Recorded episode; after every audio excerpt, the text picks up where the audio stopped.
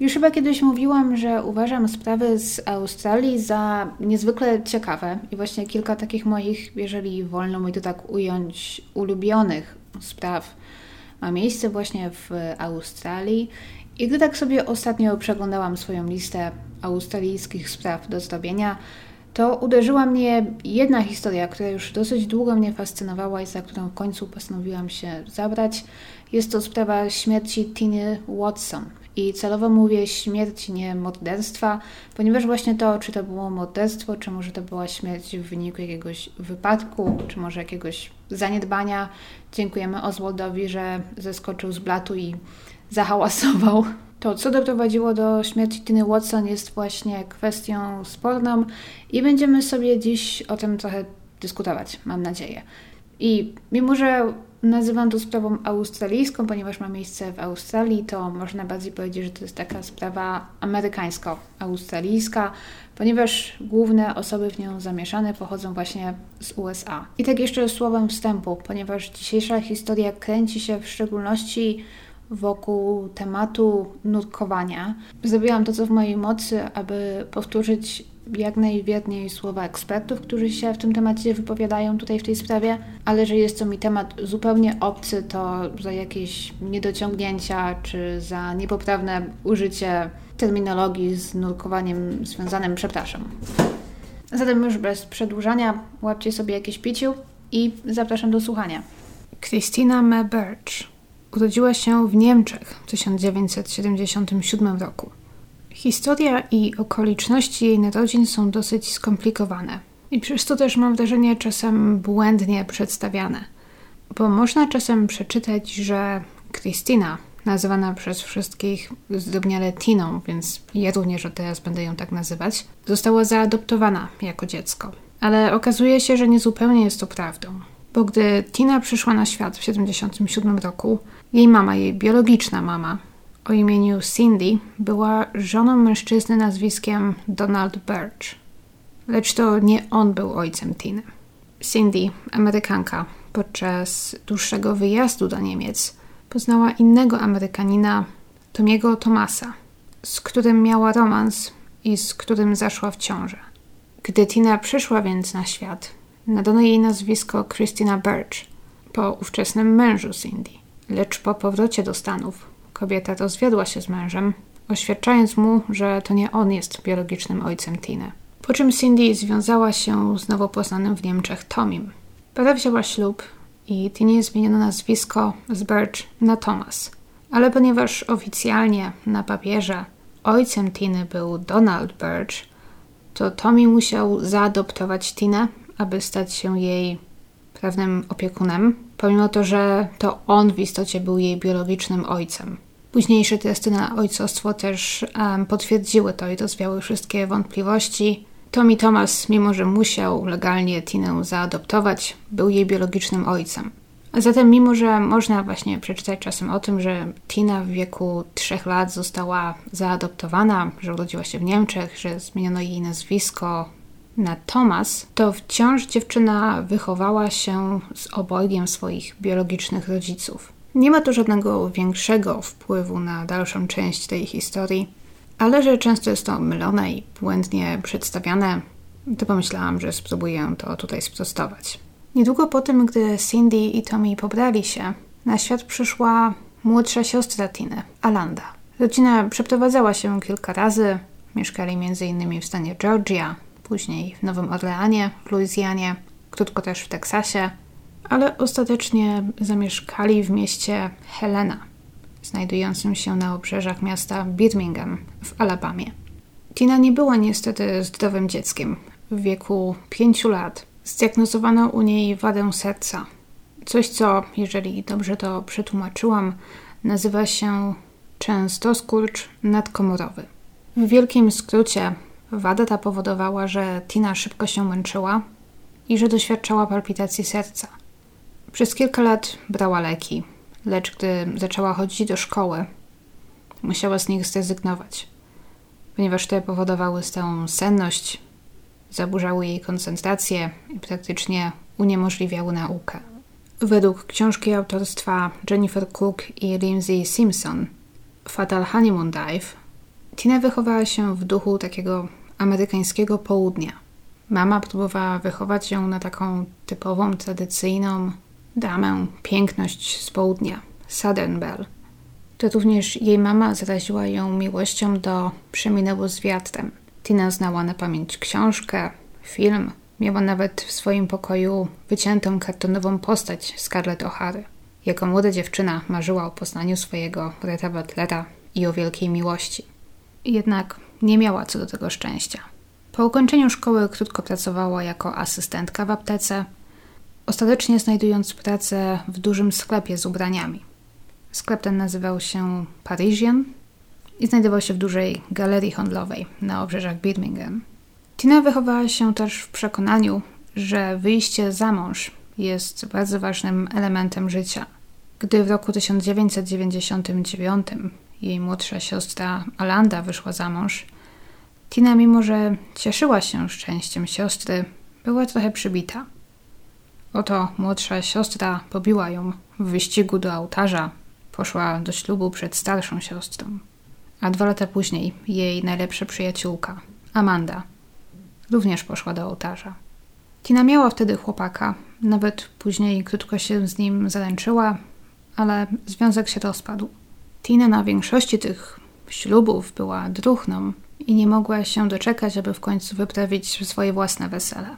W sierpniu 2001 roku, mając 24 lata, Tina przeszła operację korygującą jej wadę serca. Operacja ta przeszła pomyślnie i od tamtego czasu Tina miała mieć podobno więcej energii, nie męczyła się już tak łatwo i w końcu mogła uczestniczyć w sportach. W koledżu poznała Davida Gabriela Watsona, nazywanego przez wszystkich po prostu Gabe. Zaprzyjaźnili się wtedy trochę, ale każdy z nich było wtedy w innym związku. Ówczesny związek Tiny jednak rozpadł się prędko, tak samo jak związek Gabe'a.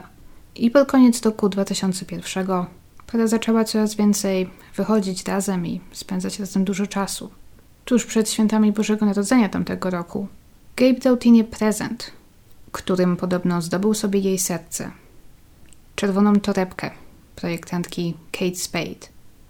Gabe zapamiętał, że jakiś czas wcześniej, gdy Tina jeszcze była z tym poprzednim chłopakiem, dziewczyna narzekała. Potem chłopak, na imię mu było Stan, pojechał w jakiejś sprawie do Nowego Jorku na kilka dni. Tina prosiła go, aby przywiózł jej torebkę projektantki, którą tak podziwiała, właśnie Kate Spade. Ale Stan nie spełnił jej życzenia. Zamiast tego przywiózł jej jakiś tani prezent kupiony na prędce na lotnisku. Gabe zapamiętał to sobie i teraz sprezentował Tinie właśnie taką torebkę. I to nawet w takim kolorze, w jakim chciała. I kim był David Watson, nazywany przez wszystkich po prostu Gabe? Większą część swojego młodego, dorosłego życia Gabe pracował w firmie rodzinnej, zajmującej się produkcją opakowań. Po liceum w 1995 roku poszedł na studia na Uniwersytet Alabamy w Birmingham. Jego rodzice wiązali z synem duże nadzieje. Dwóch innych braci Gabe'a wybrało inne ścieżki edukacji i kariery, więc liczyli na to, że to Gabe po ukończeniu studiów powoli przejmie rodzinny biznes, tak aby jego rodzice, Glenda i Dave, mogli przejść na emeryturę.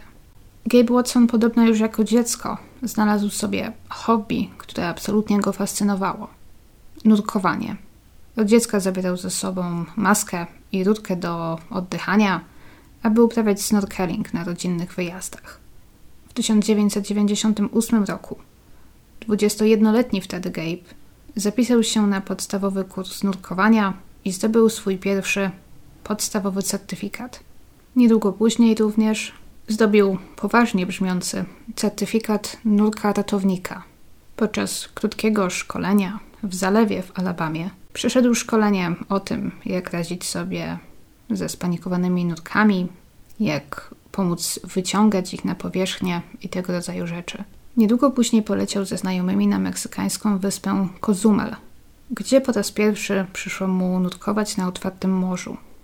I tak pod koniec roku 2001 Gabe i Tina spotykali się coraz częściej. Z czasem też Tina zbliżyła się mocno do rodziny Gabe'a. Jeździła z Watsonami na wycieczki, do ich domku w lesie, na różne kampingi, na ryby. Jednak z jakiegoś powodu Gabe nigdy nie zaprzyjaźnił się z rodzicami Tiny. Tutaj jedynie według ich zeznania, ich historii. Gabe zawsze w ich towarzystwie był raczej cichy. Ciężko było zacząć z nim rozmowę. Mężczyzna zawsze zachowywał się raczej niezręcznie i unikał ich nawet. Cindy i Tommy Tomasowie nie przypadali więc za nowym chłopakiem córki. Ale jak czasem można też przeczytać, Tomasowie byli krytyczni wobec wszystkich poprzednich chłopaków córki, więc nie było to nic nadzwyczajnego. Można też w niektórych źródłach tu i tam przeczytać takie nieśmiałe wzmianki o tym, że Tina nie miała najlepszej relacji ze swoją matką i że wolała spędzać swoje wolne dni, weekendy, wakacje poza domem. Często, gdy jej rodzice chcieli coś z nią razem zrobić, gdzieś ją zapraszali, chcieli gdzieś z nią wyjechać, to ta wykręcała się, mówiąc, że nie może, bo planuje już robić coś z Gabe'em, co nie zawsze było prawdą. Ale Gabe podobno nie miał problemu, aby zawsze być taką wymówką dla Tiny, jeżeli ta nie chciała widzieć się ze swoimi rodzicami. To też mogło trochę przyczynić się do tego, że rodzice dziewczyny po prostu nie darzyli go sympatią. Ale ich związek też nie był wcale taki idealny. Wielu znajomym i bliskim Tiny Gabe Watson dał się poznać jako humorzasty i guburowaty, można powiedzieć. Raz, gdy Tina zabrała Gabe'a i swoją młodszą siostrę Alandę na pizzę, Gabe był nie w humorze i uważał z jakiegoś powodu, że Alanda się z niego naśmiewa, nabija. Był też o coś zły na Tinę, ale Alanda nie wiedziała o co chodzi. Gdy kelner przyniósł i położył przed nimi pizzę na stole, Gabe z jakiegoś powodu podniósł kawałek pizzy, ale nie po to, aby go zjeść, a po to, aby rzucić go Tinie pod nogi, doprowadzając spotkanie do końca oczywiście. Tina często usiłowała go usprawiedliwiać. Źle się czuł tamtego dnia, miał problem z zatokami, był zmęczony itd. Tak ale według niektórych Gabe miał też momentami być kontrolujący i zazdrosny. Tina zwierzyła się koleżance z pracy, że musiała mu powiedzieć, że kolega, z którym pracują, jest gejem, bo inaczej Gabe byłby zazdrosny nawet o współpracownika swojej dziewczyny. Tina pracowała z nim od wielu lat i naturalnym jest, że po prostu do pewnego stopnia znali się, ale Gabe byłby w stanie zaakceptować taką znajomość, taką przyjaźń, tylko w wypadku, gdyby ten mężczyzna był gejem. Na początku roku 2003 Tina Thomas zadecydowała, że zacznie brać lekcje nurkowania. Wiedziała, że jest to wielka miłość i hobby Gabe'a i uznała, że jeżeli będą mieli wspólne hobby, wspólne zajęcie, to ich relacja poprawi się. Poza tym, wychowana w sposób, w jaki została wychowana, Tina wierzyła, że mając niecałe 26 lat, staje się powoli starą panną. Miała nadzieję tym sposobem zachęcić Gabe'a, aby w końcu oświadczył się jej. Lekcje nutkowania podobno szły jej tak sobie. Dodatkowo jej rodzice obawiali się o nią. Pomimo, że wada serca już nie dawała o sobie znać generalnie Tina nie miała żadnych przeciwwskazań medycznych, aby nurkować, wciąż martwiło ich to. Wielu znajomych i bliskich Tiny nie mogło również uwierzyć w jej nowe hobby. Tina nigdy nie lubiła pływać, nie lubiła nawet moczyć swoich włosów. Aż tu nagle, z dnia na dzień praktycznie, Tina decyduje się nauczyć nurkować z całym ekwipunkiem, w skafandrze, butlą tlenową, płetwami itd. Tak Wywaliła na to dużo pieniędzy. Na początku szło jej kiepsko. Tina nie czuła się komfortowo pod wodą i powoli szła jej nauka oddychania. Poza tym lekcje nurkowania wywoływały też u niej stale infekcje dróg oddechowych. Dodatkowo sytuacja w jej domu rodzinnym była napięta. Tina dogadywała się coraz gorzej z rodzicami, w szczególności z Cindy, ale znów nie jestem pewna, co dokładnie było źródłem, powodem tych nieporozumień. W końcu Tina wyprowadziła się z domu, ale nie do Gabe'a. Hodowała tradycji, że zamieszka z nim jedynie po ich ślubie. Mieszkali więc osobno. Gabe wynajmował mieszkanie z braćmi, a Tina znalazła jakiś pokój z innymi współlokatorami. Tym, co też musiało skłonić Tinę do zaczęcia lekcji nutkowania, był sposób, w jaki Gabe ją traktował. Sposób, w jaki sugerował jej, drażnił się z nią, że może, a może nie, jej się oświadczy. Pod koniec roku 2002 Tina miała przyjść do mieszkania Gabe'a i zobaczyć na środku pokoju, na stole, pudełko od jubilera, prawdopodobnie z pierścionkiem w środku. Gabe zostawił ten pierścionek celowo na widoku, ale zabronił Tinie dotykać go. Powiedział, że jeżeli ta ruszy go, to nigdy go nie dostanie. Nie było to więc oświadczyny. Gabe powiedział, że oświadczy się w momencie, który uzna za właściwy. Przez kolejne miesiące więc Tina siedziała jak na szpilkach. Koło każdej ważniejszej daty, święta, chodziła pełna nadziei, że to może już, że to może już ten czas. Najpierw myślała, że oświadczy jej się może na święta, później, że może na Sylwestra, a może na walentynki, a może na jej urodziny, ale wciąż nic. W lutym roku 2003, kilka miesięcy po zakupieniu pierścionka, Gabe zadzwonił do Tomiego Tomasa, ojca Tiny, aby prosić go o jej rękę. Tina podkreślała mu, że ważne jest dla niej i dla jej rodziny, aby przed oświadczeniem się jej, starym zwyczajem, poprosił wpierw o jej rękę jej ojca. Gabe zdecydował się zadzwonić do niego, ale to mi oświadczył, że ten powinien poprosić go o to osobiście. Co ten też ostatecznie uczynił, ale jak to mi później zrelacjonował, całe spotkanie było niezwykle niezręczne. To mi zarzucił Gabe'a pytaniami i ten podobno nawet nie potrafił powiedzieć, potwierdzić, że kocha Tina. Tommy Thomas powiedział też, że nigdy nie dał Gabe'owi pozwolenia na poślubienie Tiny.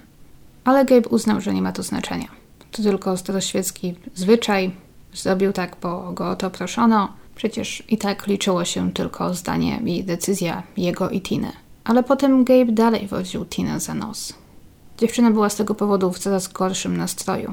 Jej siostra, przyjaciółki zaczęły zauważać, że Tina jest stale w złym humorze, a jej rozmowy z Gabe'em często kończą się na sprzeczkach. Gdy były gdzieś razem i Tina wyjmowała swój telefon komórkowy, aby zobaczyć, że Gabe do niej dzwoni, to zaraz uśmiech znikał z jej ust. Gdy pytana, dlaczego godzi się na takie traktowanie, dlaczego nie poszuka sobie po prostu kogoś lepszego, Tina wybuchnęła płaczem. On ma pierścionek i każe mi się postarać, udowodnić, że go kocham, zanim mi go da. Co mam robić? Wolicie, żebym została starą panną z kotami? I nie wiem, jaka padła odpowiedź na to pytanie, ale chyba powinna była paść taka, że tak. Ale niestety Tina z jakiegoś powodu żyła w przekonaniu, że w pewnym wieku lepiej jest poślubić byle kogo, niż być bez ślubu. Mimo, że Gabe i to, jak woził ją za nos i jak on tym pierścionkiem szantażował, zaktywowało wręcz na przemoc psychiczną. Bo nie wiem, jak inaczej nazwać to, że Tina miała udowodnić Gabe'owi, że go kocha i podporządkować mu się, aby w końcu doczekać się zaręczyn. Ostatecznie wszystko to doprowadziło do tego, że Gabe i Tina prawie się rozstali, zamiast się zaręczyć. Tina nawet w tajemnicy pojechała spędzić weekend ze swoim starym chłopakiem z liceum, który mieszkał wtedy w Atlancie, ale ostatecznie wróciła jeszcze tego samego dnia, rozczarowana, mówiąc od razu wszystkim Gabe'owi i przyznając, że był to błąd. A Gabe Watson oświadczył się w końcu, niedługo później, na Wielkanoc roku 2003. Może rzeczywiście bojąc się, że tak długo to odkładał, że Tina istotnie w końcu go zostawi dla kogoś innego. A Tina nie posiadała się z radości. Zaczęli planować wesele na październik tego samego roku. A po weselu mieli jechać w podróż poślubną do Australii. Podróż ta oryginalnie miała być prezentem od rodziców Gabe'a dla niego w nagrodę za ukończenie studiów. Ale Tina zaproponowała, aby może tę podróż odłożyć i zamiast tego zrobić z niej ich wspólną podróż poślubną. Tak też się stało. W planach mieli m.in. zwiedzanie Sydney oraz przede wszystkim kilkudniową podróż statkiem i nutkowanie na Wielkiej Rafie Karolowej – co było marzeniem Gabe'a, odkąd tylko zainteresował się nurkowaniem. Mieli więc wiele do przygotowania i mało czasu. W międzyczasie Tina musiała przejść szereg testów, kursów, aby w ogóle móc nurkować na rafie. Zdała test pisemny, teoretyczny oraz swój pierwszy taki praktyczny test, który miał miejsce jedynie w basenie. Zajęło jej to jednak trochę czasu. W pewnym momencie musiała też zmienić zajęcia grupowe na prywatne szkolenie, ponieważ nutkowanie nie przychodziło jej naturalnie i wymagała trochę więcej pracy niż inni. Na początku kwietnia 2003 roku Tina zdobiła swoje pierwsze podejście do uzyskania podstawowego certyfikatu nutka. Test odbywał się w takim zalewie zalanym starym kamieniołomie. I wtedy też, podczas wykonywania jednego z ćwiczeń pod wodą, kiedy to nurkowie mają zdjąć swoją maskę i nałożyć ją z powrotem, usuwając z niej wodę, tak by mogli coś widzieć, Tina po zdjęciu maski spanikowała i wystrzeliła z wody na powierzchnię. W pierwszych chwilach po wynurzeniu się była tak przerażona i spanikowała, że nie słyszała i nie reagowała w ogóle na to, co mówił do niej instruktor. Ten po wszystkim później usiłował z nią spokojnie porozmawiać. Chciał wytłumaczyć jej, że jeżeli Tina ma nurkować, to tylko ona musi tego chcieć. Nie będzie w stanie robić to dobrze i nie będzie w stanie przede wszystkim bezpiecznie nurkować, jeżeli nie lubi tego i robi to tylko pod presją. Nie mam wyboru, odpowiedziała pół żartem, pół serio Tina. Jeżeli tego nie zrobię, mój chłopak mnie zabije. Tina później musiała podejść do tego testu ponownie, aby w ogóle móc nurkować w Australii. I za drugim podejściem przeszła go pomyślnie. Ale w ogóle zanim do tego doszło, to Gabe już wcześniej miał zarezerwowany dla nich wyjazd, więc Tina czuła, że wręcz nie ma wyjścia. Do Australii wylatywali od razu po weselu, gdzie według planu po około tygodniu zwiedzania mieli wsiąść na pokład statku Spoil Sport i spędzić na nim tydzień, nurkując w różnych miejscach na rafie koralowej. Gabe wszystko zorganizował, zarezerwował i podążając za radą agentki podróży, wykupił ubezpieczenie podróżne. Gabe i Tina przed ślubem byli bardzo zajęci i wprowadzali w swoich życiach duże zmiany. Wzięli kredyt i kupili swój pierwszy, niewielki dom w Hoover na obrzeżach Birmingham. Rodzice Gabe'a pokryli zaliczkę za dom. Para zabrała się za remontowanie domu. Tina sprzedała też swój samochód, Mazdę Majatę, ponieważ wysoki i potężnie zbudowany Gabe nie mieścił się do jej malutkiego kabrioletu. Wzięli kolejny kredyt i kupili Jeepa Cherokee. Kupili też psa. We wrześniu Tina oświadczyła rodzicom, że musi zmienić swoje ubezpieczenie na życie – które miała zapewnione poprzez swoją pracę. Przez cały ten czas beneficjentem polisy był jej ojciec, Tommy Thomas. Ale po ślubie, jak Gabe tłumaczył Tinie, wszystkie tego rodzaju papiery, dokumenty, wszędzie jej pierwszym kontaktem, beneficjentem zawsze powinien być teraz jej mąż, czyli Gabe. Tina zastanawiała się też nad zwiększeniem polisy na życie, dopłacając tam zaledwie 10 dolarów więcej mogła zwiększyć swoją polisę o chyba 100 tysięcy dolarów czy coś w tym stylu. A ponieważ Tommy zarabiał na życie sprzedając ubezpieczenia właśnie, to przyszła do niego porada i po pomoc. Tommy, jak później zeznał, zapewnił ją, że pomoże się jej tym wszystkim zająć po ślubie, gdy wrócą ze swoich wakacji. Ale zmiany te jednak nigdy nie zostały wprowadzone. I do końca beneficjentem pozostał Tommy. Ale później Tommy i Cindy Thomasowie będą podkreślać, że było to bardzo dziwne, że w całym tym zamieszaniu, przygotowaniach do ślubu, podróży poślubnej, zakupie domu, samochodu, remontu, we wszystkim tym Gabe wciąż miał jeszcze głowę, aby upewnić się, że jego przyszła, młoda i zdrowa żona wpisała go jako beneficjenta na swoim ubezpieczeniu i polisie na życie. Dzień przed ślubem 10 października 2003 roku miała miejsce taka ostateczna próba generalna przed ceremonią. Atmosfera była podobno napięta. Tina była mocno przeziębiona, dręczył ją kaszel i katar. Tego dnia musiała pojechać do lekarza po szybki zastrzyk, aby ten pomógł jej przetrwać pełen napięcia dzień. Dodatkowo, podczas próby, gdzie obecne były obie rodziny, doszło do jakiejś sprzeczki i nieporozumienia. Rodzice Gabe'a i rodzice Tiny nie mogli się dogadać co do jakiejś kwestii. Wszyscy rozstali się w nie najlepszych humorach. Ale nie mogłam znów znaleźć o tym zbyt wielu szczegółów. Musiało to być chyba jednak coś poważnego, ponieważ są informacje o tym, że wtedy też Tina, spanikowana, miała pytać Gabe'a, czy w razie czego jego rodzice byliby w stanie pokryć część płatności za wesele, jeżeli Cindy, jej mama, wycofa swoje pieniądze. Bo Cindy miała grozić w ostatniej chwili, że jednak nie zapłaci za wesele córki. Nie wiem dlaczego. Czy to brało się właśnie tylko z tego, że oni po prostu Gabe'a nie lubili, czy może z czegoś więcej. Ale w końcu wszystko potoczyło się zgodnie z planem. Także nie wiadomo, co dokładnie między nimi tam było nie tak. Natomiast z tego, co czytałam, to w szczególności właśnie Cindy, jak i Gabe zdawali się często być źródłem tych wszystkich problemów. Ale może też sposób, w jaki właśnie ta historia jest często przedstawiana, może niektóre informacje są właśnie przekazywane tak bardziej wybiórczo, ale w sposób, w jaki są przedstawiane, to co o tym wszystkim wiemy, muszę powiedzieć, że przez to te dwie rodziny, ich zachowanie, wszyscy brzmią po prostu strasznie niedojrzale.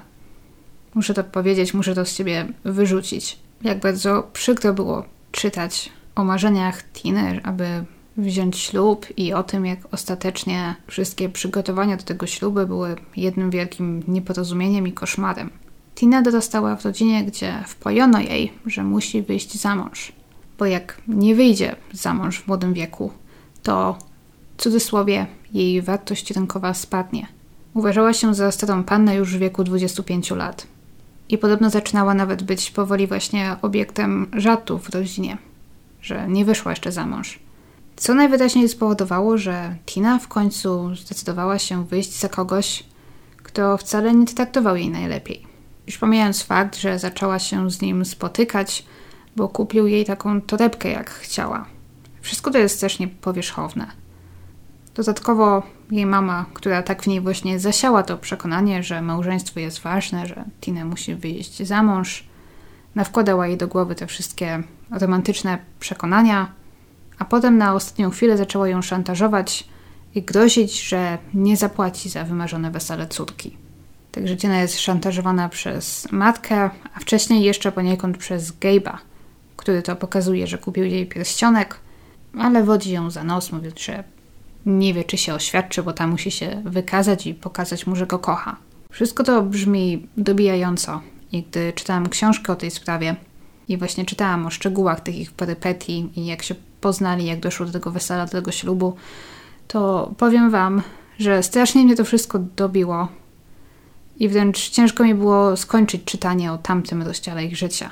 Nic nigdy nie zniechęciło mnie tak bardzo do instytucji małżeństwa, jak właśnie opis ich przygotowań do ślubu. Odniosłam wrażenie, że nikt w tej historii nie był szczęśliwy i wszyscy dbali jedynie o pozory i o nic innego. No ale wracając do historii. Tina i Gabe w końcu się pobrali. Wszystko poszło zgodnie z planem. Ceremonia podobno mimo wszystko przebiegła ładnie i spokojnie. Po wszystkim napięta atmosfera też opadła. Z kościoła wszyscy udali się do pobliskiego hotelu, gdzie odbyła się impreza. Nastroje poprawiły się i doszło też do pojednania.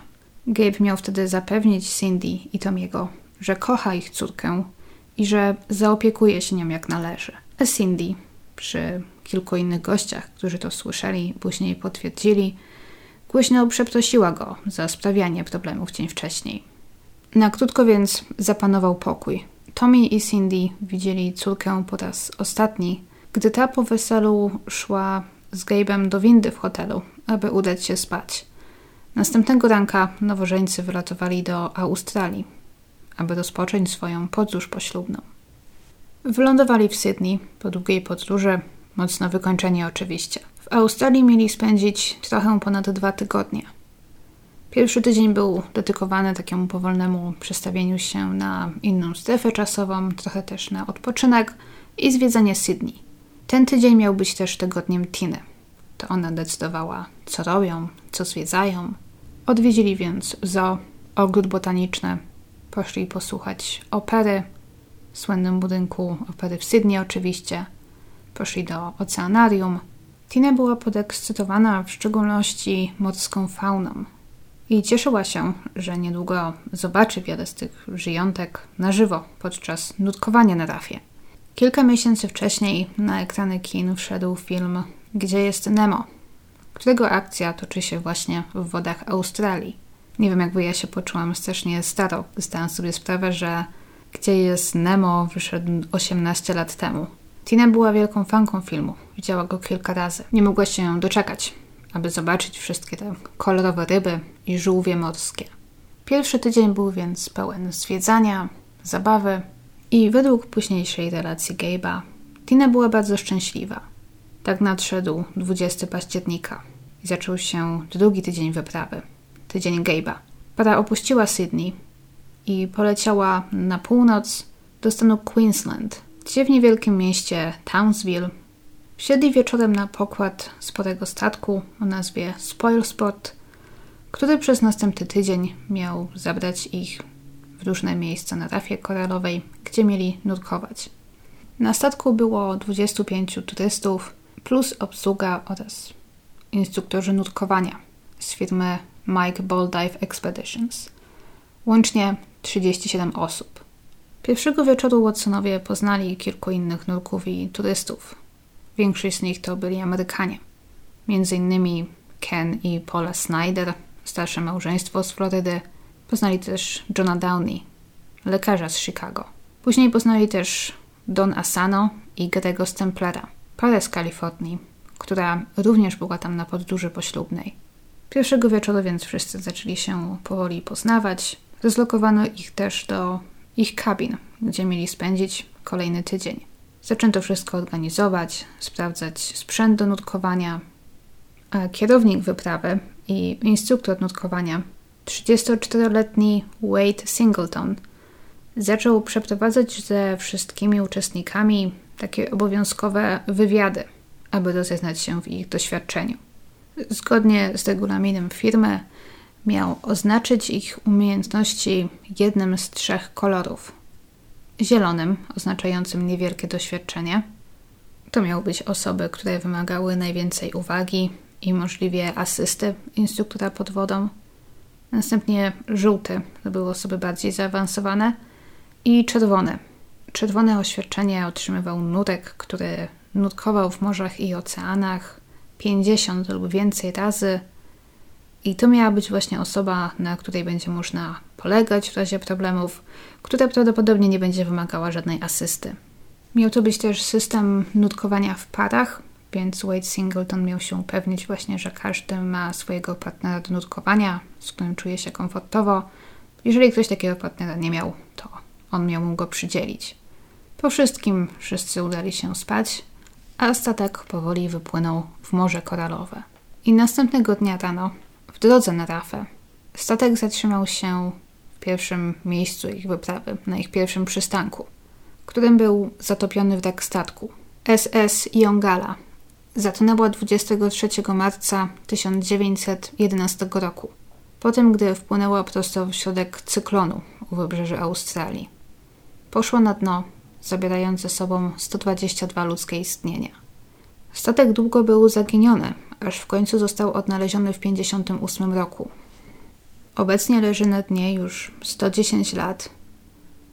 Jest uznawany za zabytek i często pojawia się na różnych listach jednych z najlepszych miejsc do nurkowania, najlepszych wrak, wokół których można nurkować, ale właśnie tylko wokół ponieważ jest uznawany za zabytek, to nie można wpływać, nie można nurkować w środku.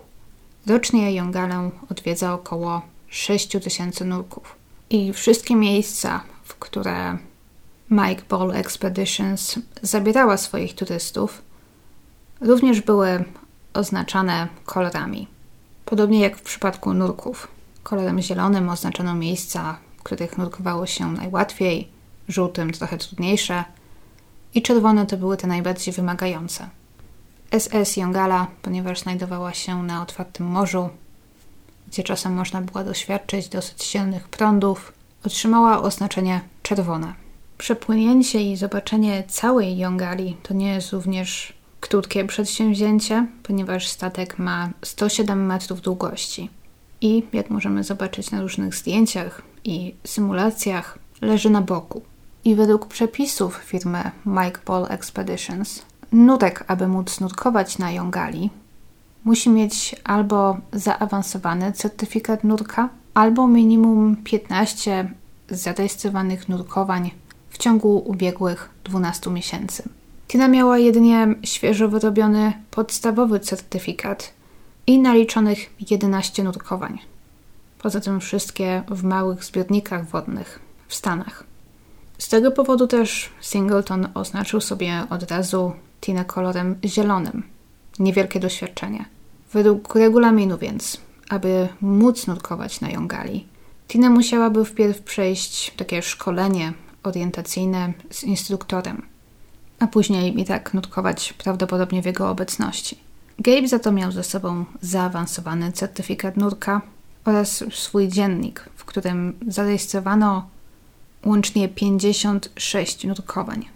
Jednak jak się później okazało, w ciągu ostatnich 12 miesięcy Gabe nurkował jedynie 3 razy. Mimo to z jakiegoś powodu, gdy wypełniał taką aplikację czy formę, którą wszyscy nurkowie musieli na statku wypełnić, w rubryce pytającej właśnie o to, ile razy ktoś nurkował w ciągu ubiegłego roku, Gabe wpisał liczbę 12.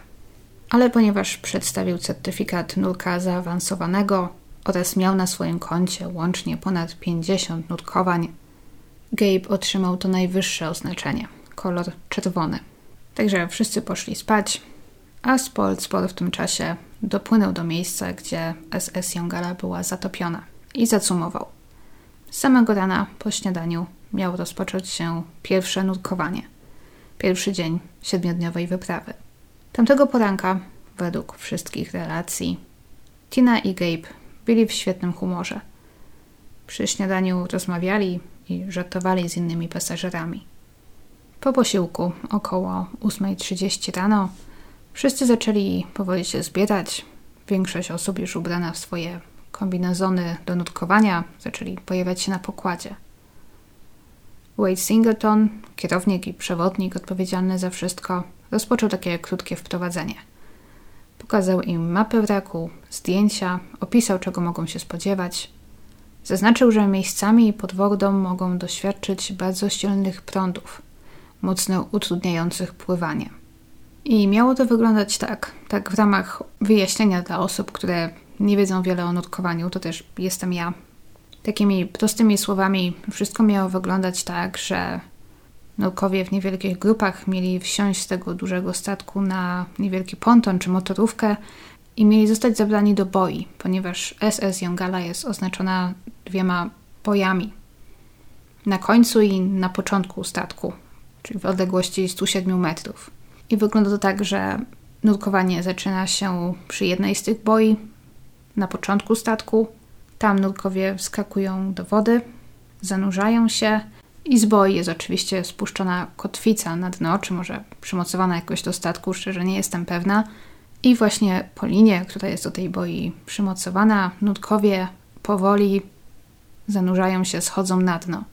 Lina ta ma oznaczoną głębokość, także nurek wie, czy jest na głębokości już 5 metrów, 10, 15 i tak dalej. Sama Jongala zatopiona jest gdzieś na głębokości 29-30 metrów. I dalej oczywiście miało wyglądać to tak, że wszyscy nutkowie zanurzają się na taką głębokość, na jaką chcą, tak aby oczywiście zobaczyć statek i rafę koralową i wszystko, co go teraz porasta po tylu latach. Przepływają to 107 metrów wzdłuż tego statku i u końca statku znajdują drugą linę przymocowaną do boi i po tej linie powoli wynurzają się na powierzchnię, skąd zostają zabrani motorówką z powrotem na statek. Tak to miało wyglądać. Wszyscy nutkowie, czyli 24 osoby, ponieważ był jeden pasażer, który zadecydował nie nutkować tamtego dnia, czyli 12 par, zaczęło powoli przygotowywać się do zejścia pod wodę. Do ich dyspozycji było pięcioro instruktorów, którzy mieli im pomagać w razie wątpliwości, czy nawet towarzyszyć, jeżeli ktoś nie czuł się pewnie. Gdy wszyscy zaczęli się przygotowywać, Singleton wywołał też trzy osoby, które zaznaczył sobie na liście wieczór wcześniej. Były to osoby, które z powodu ich niewielkiego doświadczenia miały z nim przejść takie dodatkowe, szybkie szkolenie. Singleton chciał wpierw jeszcze raz wszystko im spokojnie omówić, wytłumaczyć I później ci ludzie mieli zanurkować pod jego czujnym okiem. Były to trzy osoby. Ta inna para nowożeńców, Donna Sano i Gary Stempler oraz właśnie Tina Watson. Pierwsza dwójka zgłosiła się od razu, ale Singleton musiał pójść poszukać Tiny. Znalazł ją razem z Gabe'em. Para przygotowywała się do nurkowania, sprawdzali właśnie swój sprzęt. Zapytana, czy chce nurkować po raz pierwszy z instruktorem i z innymi początkującymi, Tina pokręciła głową. Myślałam, że ustaliliśmy to wczoraj wieczorem, miała powiedzieć. Ten pierwszy raz popłynę z Gabe'em, ponieważ on jest doświadczony. Ale z tobą, zwróciła się do Wade'a Singletona, chcę zrobić później nocne nurkowanie, ponieważ tego się boję. Gabe dodał też, nie będziemy na ten pierwszy raz robić niczego trudnego. Zanurzymy się jedynie na głębokość około 45 stóp, to jest około 14 metrów. I niestety tutaj cytując różne zeznania, różne rzeczy, które bohaterowie tej historii powiedzieli, będę na zmianę czasem używać stóp, czasem metrów.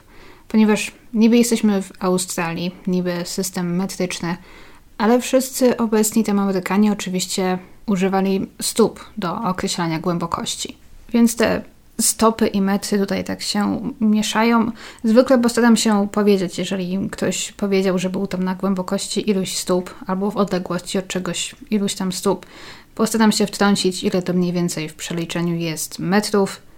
Jakby co, 5 stóp to jest około 1,5 metra, a 10 stóp to są 3 metry.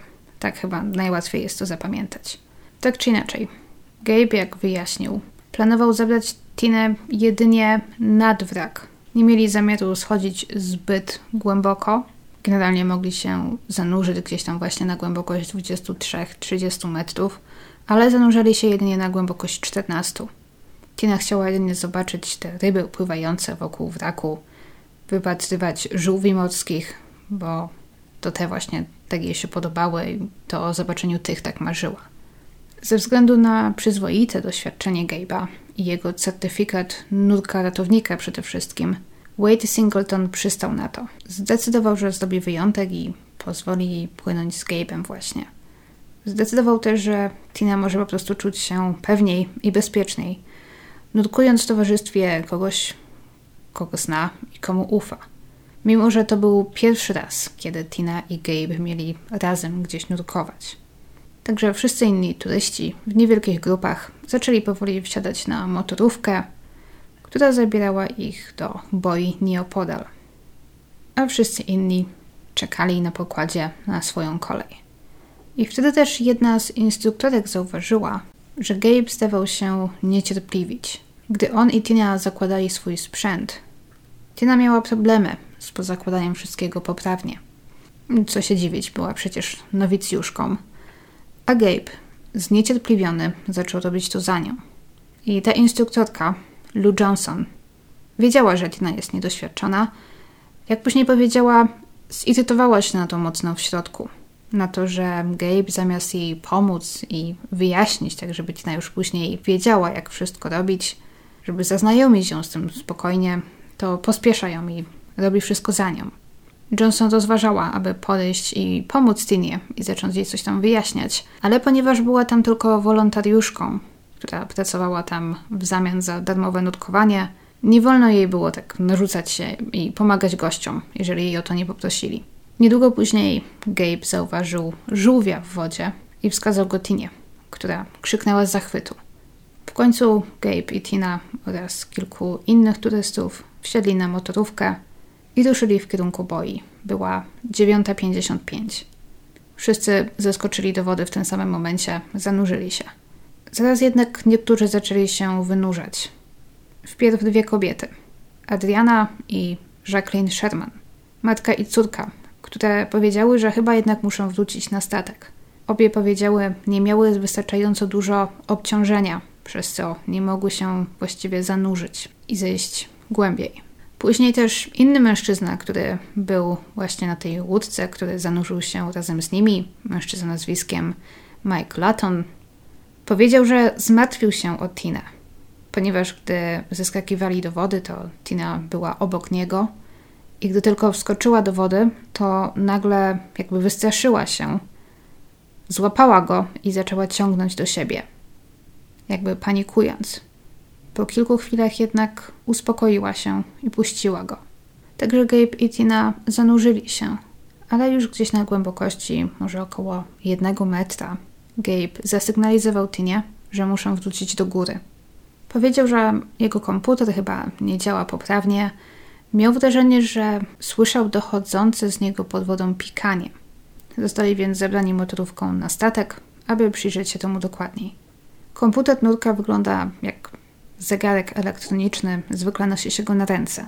Ma on informować o takich rzeczach przede wszystkim jak głębokość oraz o prędkości schodzenia na dno lub wynurzania się. Jeżeli nurek robi to za szybko, to ten zegarek informuje go o tym, tak aby w wyniku zbyt szybkich zmian ciśnienia nie doszło przykład do uszkodzenia ucha czy roztodzenia płuc.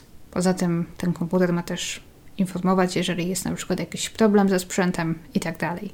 Poza tym rejestruje również wszystkie, całą historię nutkowania, także nutek może później sprawdzić, jak długo był pod wodą, do jakiej głębokości zszedł i tak. I w czasie, gdy Gabe próbował rozwiązać problem, jak zapamiętało kilku świadków, Tina powiedziała, że chyba tak jak te dwie kobiety wcześniej, i jej wydało się, że nie jest wystarczająco ciężka i że trudno będzie jej zejść na dno. Nikt tego nie widział, ale podejrzewa się, że, że podeszła, aby włożyć do swojej kamizelki dodatkowe obciążenie. Gabe w tym samym czasie rozwiązał problem. Są spory do tego, co on dokładnie zrobił, ale najczęściej mówi się o tym, że rozkręcił komputer i obrócił baterię, po czym ten zaczął poprawnie działać. Nie mów nikomu, miał powiedzieć do obecnego tam instruktora. Znowu założyłem baterię na odwrót, powiedział żartem. I to było istotnie coś, co Gabe zrobił przynajmniej raz wcześniej. Tuż przed ich wyjazdem oddał właśnie komputer do serwisu w Stanach, ponieważ wydawało mu się, że ten nie chce się włączyć. Ale okazało się, że wszystko było z nim w porządku. Gabe po prostu włożył baterię na odwrót. Także bateria została obrócona we właściwy sposób. Nie jest jasne, w którym elemencie sprzętu ta bateria miała dokładnie być, do tego jeszcze wrócimy. No ale wszystko na tamtą chwilę działało i Gabe i Tina mogli szykować się do powrotu do wody. Gdzieś mniej więcej w tym samym czasie w pobliżu nadpłynęła i zatrzymowała druga, mniejsza łódź, Jazz 2. Na pokładzie było łącznie dziewięciu turystów, głównie z Korei Południowej i Wielkiej Brytanii oraz czterech członków załogi. Jednak większość pasażerów Spoil Spot na początku nawet nie zauważyła tego drugiego mniejszego statku. Gabe Tina, zgodnie z przepisami, zdjęli swoje butle z tlenem, aby ponownie napełniono im je do maksimum i wsiedli na motorówkę. Wszystko obserwował stojący na najwyższym pokładzie instruktor nurkowania, który pełnił taką funkcję ratownika. Jego obowiązkiem było stale obserwować powierzchnię wody na wypadek, gdyby ktoś gdzieś nagle wynurzył się, potrzebując pomocy. A Gabe i Tina, tym razem trochę jak na ironię, wylądowali na motorówce w grupie razem z Wade'em Singletonem i dwójką innych początkujących nurków. Znów wszyscy wskoczyli do wody jednocześnie. Tina i Gabe popłynęli do liny przymocowanej do boi jako pierwsi. I Tina, a za, za nią Gabe, Trzymając się tej liny, zaczęli powoli schodzić w dół. Zaraz za nimi w ich ślady poszedł Wade Singleton, a wraz z nim jego grupa, czyli jeszcze jedna z takich instruktorek wolontariuszek, 19-letnia Claudia Petersen i Don Asano i Gary Stempler. Jak później wykaże komputer Gabe'a, on i Tina obniżali się po linie powoli, z prędkością około 3 metrów na minutę. I gdy dotarli do miejsca, gdzie oznaczona była głębokość 45 stóp, czyli niecałe 14 metrów, puścili się i zaczęli płynąć na południe nad zatopionym statkiem. Niedługo za tymi dwiema grupami do wody wskoczyli również pasażerowie z tego drugiego, mniejszego statku i oni zaczęli zanężać się w wodzie. I wśród nich był dr Stanley Stutz, lekarz pracujący na sorze w szpitalu w Townsville. I on opowiedział później mniej więcej taką historię. Gdy schodził na dno, trzymając się liny, i był na głębokości może około 4 metrów, spojrzał w dół i zobaczył kogoś, kto chyba ma kłopoty. Kobieta, jak się domyślił, wymachiwała rękami i nogami w spanikowany sposób, jej ramiona wyciągnięte na boki. Unosiła się horyzontalnie na wodzie, tak jakby leżała, co było nietypowe według niego. Mimo, że stód znajdował się dosyć daleko od nich, bo jakieś 9 metrów od nich co najmniej, był przekonany, że widział panikę malującą się na jej twarzy i wielkie, przerażone oczy. Stud zauważył, że zaraz za nią znajduje się inna grupa nurków, którzy jednak zdawali się nie zauważać jej obecności. Wiedział, że pod wodą wszystko wygląda inaczej, kąty, odległość, wszystko to może płatać świgla. Wiedział, że mimo, że jemu się wydaje, że ci są niezwykle blisko spanikowanej kobiety, istocie mogło być inaczej i oni mogli nawet nie widzieć jej. I żeby to sobie lepiej wyobrazić, oglądałam też kilka filmów na YouTube wrzuconych przez ludzi, którzy nurkowali na Jongali. I rzeczywiście okazuje się, że w zależności od dnia widoczność jest różna, ale czasem może być naprawdę kiepska, zaledwie na kilka metrów. Tamtego dnia widoczność szacowano na nie więcej niż 9, może 10 metrów. Po chwili Stuc miał zauważyć, że do kobiety podpłynął duży mężczyzna. Znajdując się na nią, jakby twarzą w twarz, wysunął ręce w jej kierunku, jakby próbując ją złapać pod pachami. Stuc nie potrafił jednak powiedzieć, co działo się dokładnie, ponieważ był za daleko, a duże ciało mężczyzny blokowało mu widok kobiety. Natomiast po prostu wyglądało to tak, jakby byli koło siebie. Po chwili mężczyzna odwrócił się i zaczął płynąć na powierzchnię, a kobieta powoli opadła na dno, wymachując rękami i nogami i w końcu zniknęła z pola widzenia Stutza. Jak się później okaże, wielu innych nurków wokół niego, w tym jego partner do nurkowania, niczego nie zauważył. Stutz, który również był początkującym nurkiem, powoli ruszył, aby zaalarmować swojego instruktora nurkowania. Jak się później okaże, niedaleko znajdowała się też inna para z jego statku, Han Yun Kim, 24-letni turysta z Korei. Później wyjaśni, że będąc na głębokości około 15 stóp, czyli jakieś 4,5 metra, zobaczył jak znacznie niżej spanikowana kobieta unosi się w wodzie, a ktoś trzyma jej butlę tlenową, ciągnąc ją w górę. Kim założył, że kobieta miała jakiś problem i jest właśnie wyciągana na powierzchnię. Po chwili stracił ją z oczu. W podobnym czasie, nieświadomy tego, że nad jego głową dzieje się coś złego, Wade Singleton zaprowadził swoją grupę początkujących Don, Garego i wolontariuszkę Claudię na głębokość około 50 stóp, skąd zaczęli płynąć jeszcze niżej, lekko w bok wraku, gdzie, jak Singleton wiedział, prąd jest zawsze słaby więc idealne warunki dla początkujących. Zeszli do głębokości około 20 metrów i zatrzymali się. Singleton zaczął wypatrywać ciekawych ryb i zwierząt, które mógłby pokazać swoim turystom. Gary Stempler miał ze sobą aparat i zaczął robić podwodne zdjęcia swojej żonie. Nagle Don odwróciła się i zobaczyła innego nurka na dnie, pod nimi. Tym samym momencie zauważył go też Singleton – który na pierwszy rzut oka pomyślał, że to ktoś tylko płynie tak głęboko, badając dno morza. Ale zaraz zdał sobie sprawę, że osoba ta leży na plecach, z rękami wyciągniętymi do góry. W sekundzie zdał sobie sprawę, że coś było nie tak.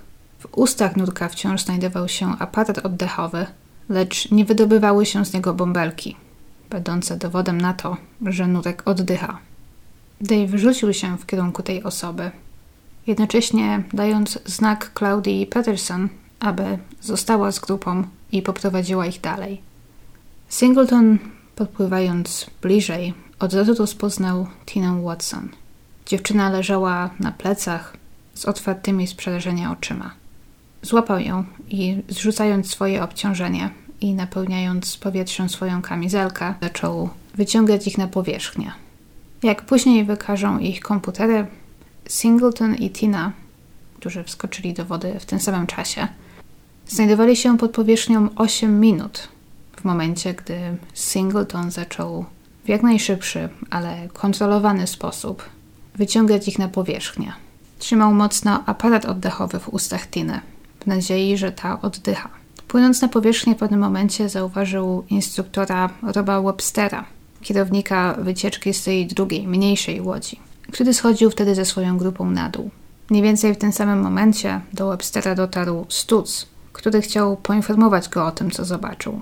Jak też Stutz zeznał, jego wprawne oko lekarza od razu zauważyło, że z ust Tiny wydobywają się w tamtym momencie nie bąbelki, a coś, co wyglądało na wymiociny i krew. Pomyślał, że dziewczyna nie przeżyje.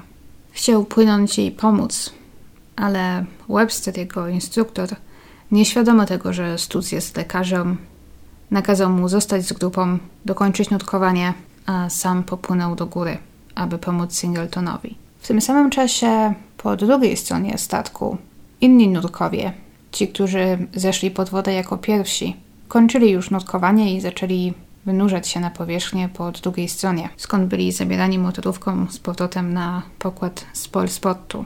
Na motorówce znajdował się pracownik Mike Ball Expeditions, Craig Haslett. Zadaniem Hasletta było też mieć na oku całą powierzchnię wody, na wypadek, gdyby ktoś nagle wynurzył się w innym, nieoczekiwanym miejscu.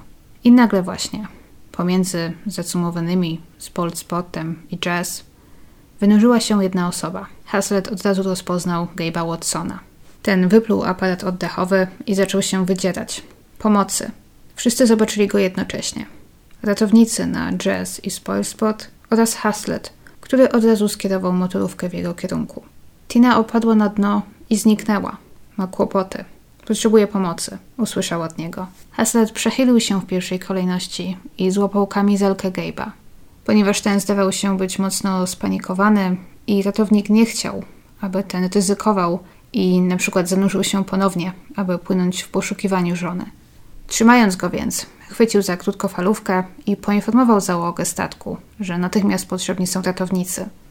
Po czym zaczął wypytywać Gabe'a, aby wyciągnąć od niego jak najwięcej potrzebnych informacji. W którym miejscu może być Tina, gdzie się rozdzielili, gdzie ma skierować ratowników, co się stało. Akcja ratownicza nie była jednak potrzebna, ponieważ jakieś dwie minuty po Gabe'ie nieopodal wynurzył się Singleton, trzymając Tinę. Jak się później okaże, wypłynęli na powierzchnię praktycznie najszybciej, jak było to możliwe. Z głębokości 30 metrów wynurzyli się po dokładnie 92 sekundach według ich komputerów. Od razu na powierzchni Singleton zerwał maskę Tiny i zaczął oddychanie usta-usta. Ponieważ byli bliżej tego drugiego statku, Jazz 2, zostali od razu wciągnięci na ten statek a tam Singleton wraz z innymi nutkami i pierwszym oficer statku przystąpił do udzielania jej pierwszej pomocy. Tina nie oddychała, nie miała wyczuwalnego pulsu. Jej oczy, wciąż otwarte, patrzyły się niewidząco w niebo. Tymczasem Haslett zabrał Gabe'a Watsona na spory sport. Mężczyzna płakał i mówił raczej od rzeczy. Gdy rozeszła się wieść, że Tina zatonęła i że jest zaginiona, ponieważ nie od razu wiedziano, że Singleton już ją znalazł i wydobył i że Gabe wrócił bez niej. Niektórzy doświadczeni nurkowie, jak później wyjaśnili, byli w szoku. Ken Snyder, ten Amerykanin z Florydy, którego Watsonowie poznali wieczór wcześniej, powiedział potem, że usłyszał od Gabe'a mniej więcej taką historię. Gdy płynęli, w pewnym momencie Tina zaczęła panikować, ponieważ chyba miała za duże obciążenia – Gabe nie mógł jej kontrolować. Była za ciężka i powoli zaczęła opadać na dno. Gabe chciał jej pomóc, ale ta w pewnym momencie zaczęła wymachiwać rękami, w efekcie strącając jego maskę i aparat oddechowy. Gabe musiał ją puścić, aby nałożyć je z powrotem. W tym momencie zobaczył, że Tina opadła jakieś 10 stóp czy 3 metry poniżej i że opadała coraz głębiej. Gabe musiał podjąć szybką decyzję, i zdecydował popłynąć na powierzchnię, aby wezwać pomoc. Ken Snyder, jak zeznał w roku 2007, od razu odparł mu, że to nie brzmi logicznie. To samo miał powiedzieć mu znajomy Snydera, który stał obok, tak Millsap. Ponieważ Gabe użył słów, że Tina była dla niego za ciężka i nie mógł jej utrzymać, Millsap wytknął mu, że nie ma to sensu, ponieważ pod wodą nie odczuwa się ciężkości w taki sam sposób, więc Tina nie mogła być dla niego za ciężka. Ale Gabe Watson zaprzeczył, aby kiedykolwiek coś takiego od nich usłyszał. Millsap i Snyder, trzeba też zaznaczyć, nie zgłosili swoich uwag policji na początku. Na początku nikt w ogóle nie zgłosił, że jest jakiś problem z historią Gabe'a Watsona. Opowiedzieli tę wersję wydarzeń dopiero 4 lata później. W którymś momencie miała dojść ich wiadomość, że Tina jest na drugiej łodzi i że właśnie udzielana jest jej pomoc. Gabe błąkał się po polsporcie, płacząc, lamentując. Wyraźnie potrzebował wsparcia i pomocy. Przez jakiś czas próbowała go uspokoić Paula Snyder. Jej Gabe opowiedział podobną historię. Tina spanikowała na dole. Była zbyt obciążona. Strąciła Gabe'owi maskę i zaczęła spadać na dno. Gabe usiłował pokazać jej, aby wypełniła powietrzem swoją kamizelkę wypłatnościową, ale ta chyba nie zrobiła tego. W tym samym czasie na pokładzie Jazz 2 trwała walka o życie Tiny. Zaalarmowany z drugiej łodzi przypłynął dr John Downey. W ciągu kolejnych minut próbowali wszystkiego, do czego mieli dostęp. Podpięli Tinie kroplówkę, zrobili dwa zastrzyki z adrenaliny, kontynuowali masaż serca przez ponad pół godziny końcu po upływie prawie 40 minut na pokładzie pojawił się dr Stutz, który ukończył właśnie nurkowanie. Gdy dowiedział się, co się stało, przybiegł pomóc. Downey poinformował go o jej stanie i to Stutz w końcu powiedział to, czego wszyscy obecni nie chcieli przyznać. Tina nie żyje od 40 minut i nie da się jej już uratować. Zanotował jako czas śmierci 11.27. Kapitan statku, który przez cały czas był w kontakcie z linią alarmową, poinformował o wszystkim policję na lądzie. Wade Singleton w tym czasie zaczął sprawdzać sprzęt Tiny, który wcześniej w pośpiechu rzucono na pokład. Jak sprawdził, w butlach znajdował się tlen i wszystko zdawało się funkcjonować prawidłowo. W tym czasie Gabe Watson siedział na podłodze w korytarzu koło swojej kabiny, otoczony kilkoma członkami rejsu, którzy próbowali go pocieszyć. Gabe zdawał się gadać bez końca. Cały czas powtarzając to, co wydarzyło się pod wodą. Powtarzał, że Tina strąciła jako aparat oddechowy, że próbował ją złapać, ale nie był w stanie. Według późniejszego zeznania innej pasażerki, Tiny Graves, miał wypowiedzieć słowa: Gdy Tina złapała moją maskę i aparat oddechowy, odepchnęłam ją. Nie mogę uwierzyć, że ją odepchnęłam.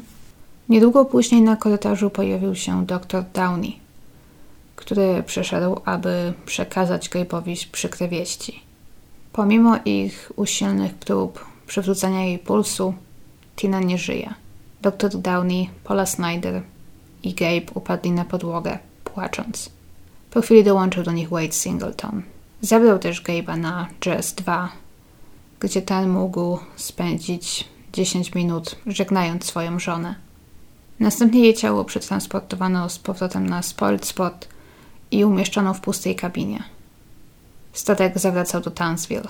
Wade Singleton zebrał wszystkich uczestników wyprawy w salonie, aby ogłosić im, że Tina miała wypadek, w wyniku którego zginęła. W tamtym momencie jeszcze nie wszyscy o tym wiedzieli. Nagle na sali zapanowała cisza i wszyscy zdali sobie sprawę, że rzeczywiście nie ma pośród nich Tiny, i Gabe'a, który siedział wtedy sam w swojej kabinie. Singleton ogłosił, że statek wraca do Townsville. Poprosił, aby wszyscy zostali w swoich kabinach, ponieważ na miejscu policja będzie chciała prawdopodobnie zebrać zeznania od wszystkich, którzy mieli mieć styczność z całą tą sytuacją.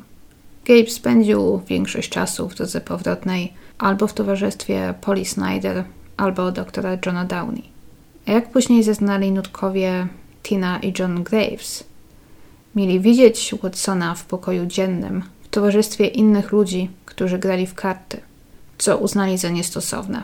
Ale jedynie oni coś takiego zgłosili. Wszyscy inni pasażerowie utrzymywali, że Gay po prostu siedział tam, nie wiedząc, co ze sobą zrobić, w czasie gdy jacyś inni turyści na stole obok niego grali w karty.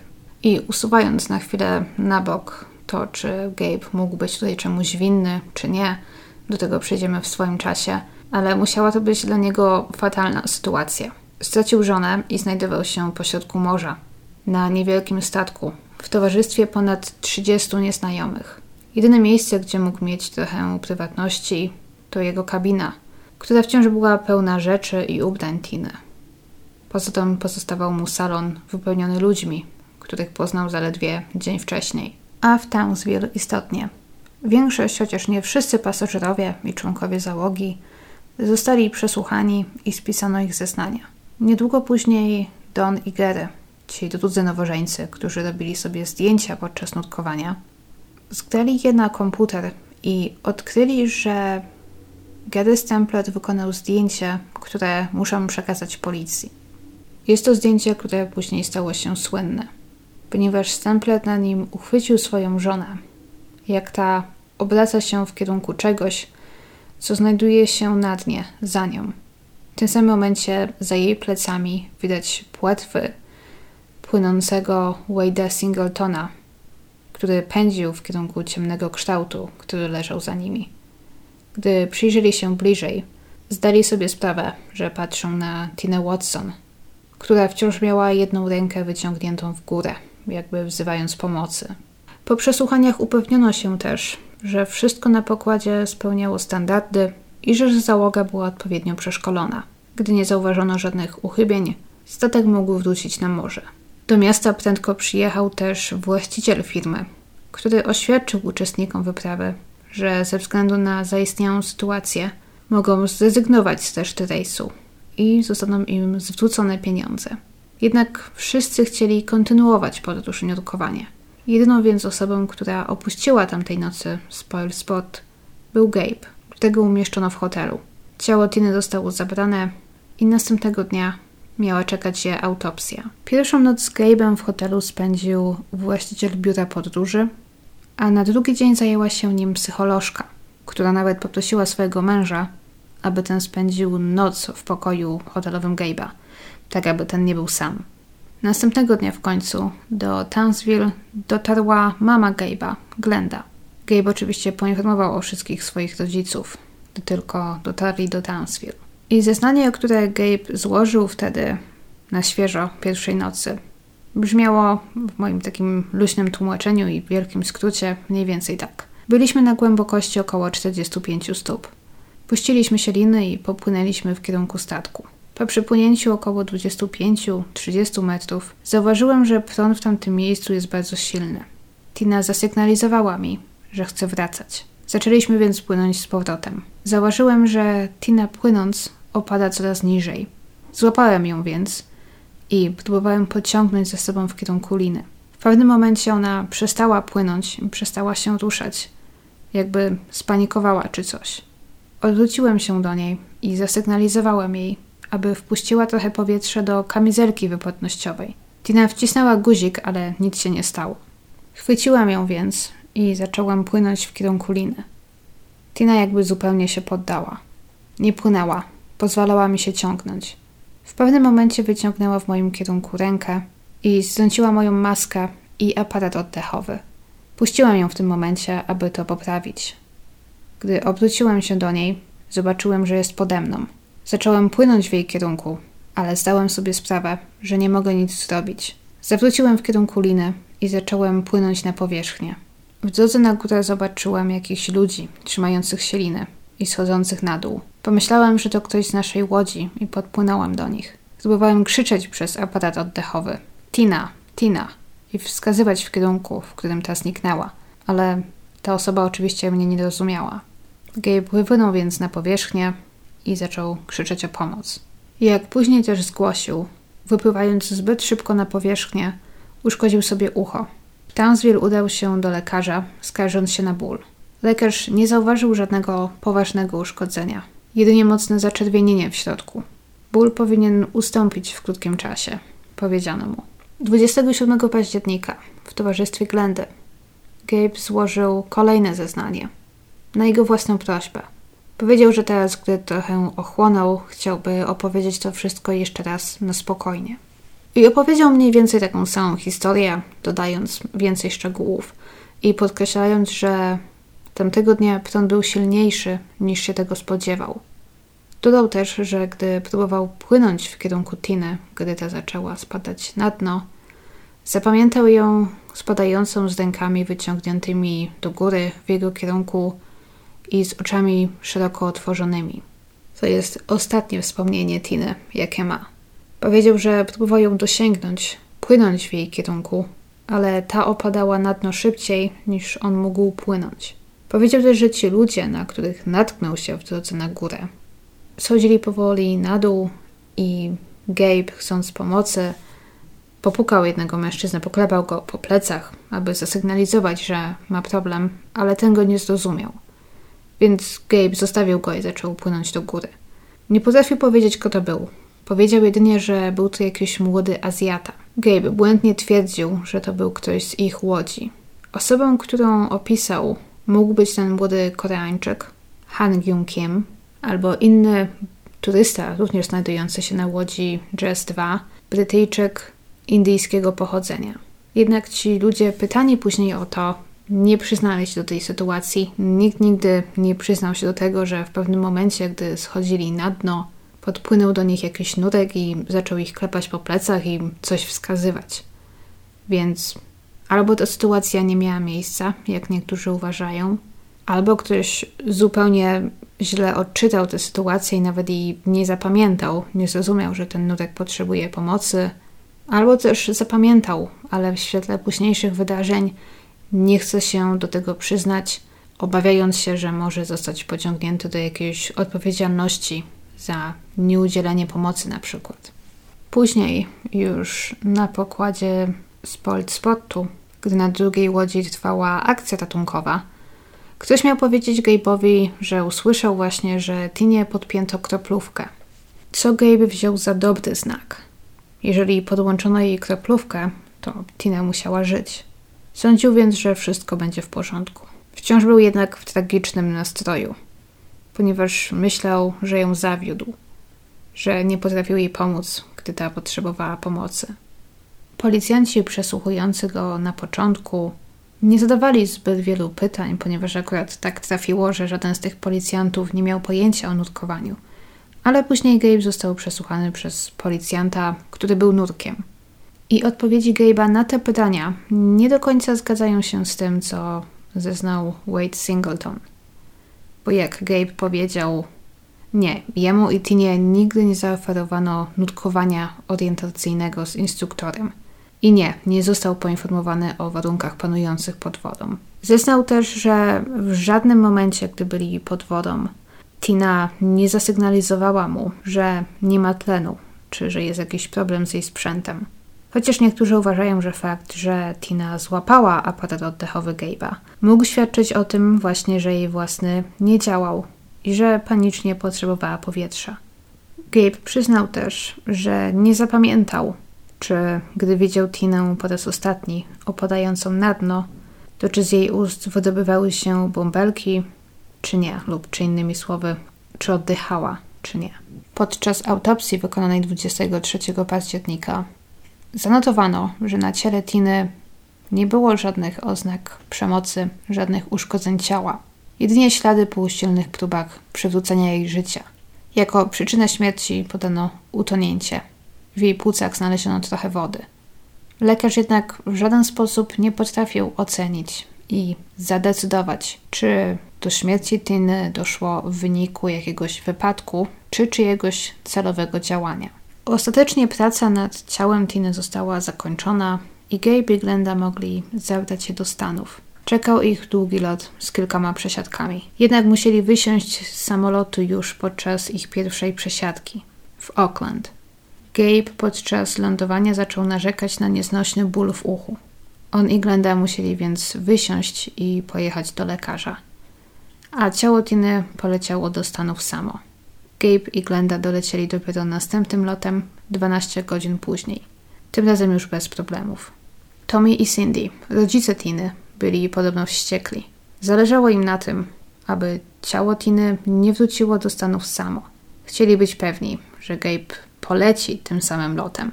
I powiedzieli mu, że jeżeli z jakiegoś powodu nie będzie to możliwe, to oni sami są gotowi przylecieć do Australii aby towarzyszyć ciało córki podczas lotu. Ostatecznie jednak to przeleciało nad oceanem samo. No i właśnie, pomówmy tutaj o rodzicach Tiny, bo tutaj znów są różne wersje. Według nich samych, Gabe nie potraktował ich najlepiej. Nie potrafił nawet osobiście zadzwonić i poinformować ich o śmierci Tiny. Dowiedzieli się dopiero od jego ojca, Dawida, który po poinformowaniu ich o tym i tak również ich unikał i poprosił swojego pastora o kontaktowanie się z Tomasami. Ale wszystkie te informacje pochodzą właśnie głównie od Tomiego i Cindy.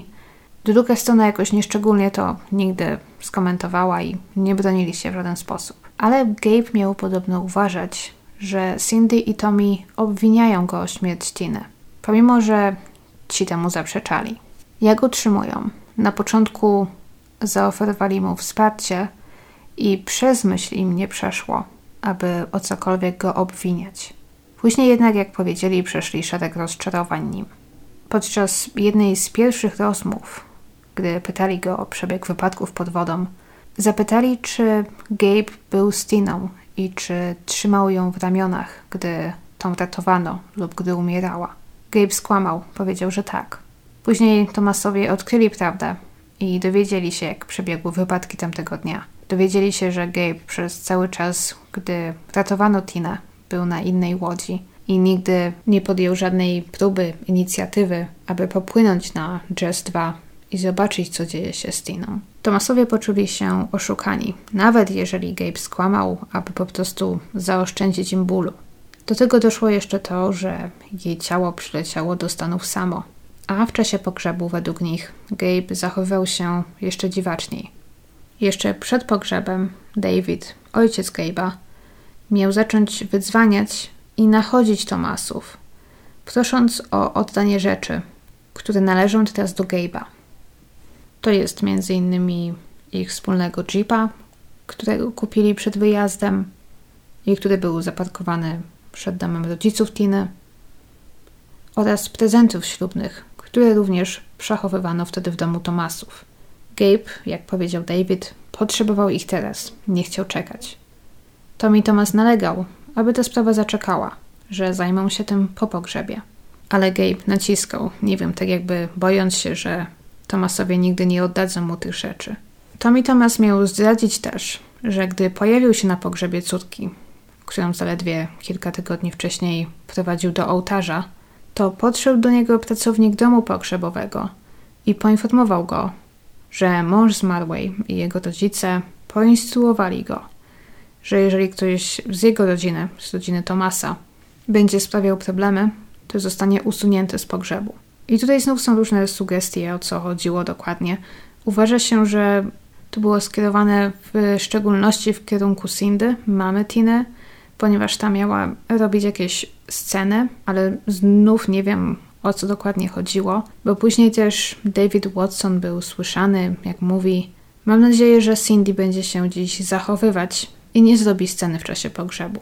Więc coś było na rzeczy.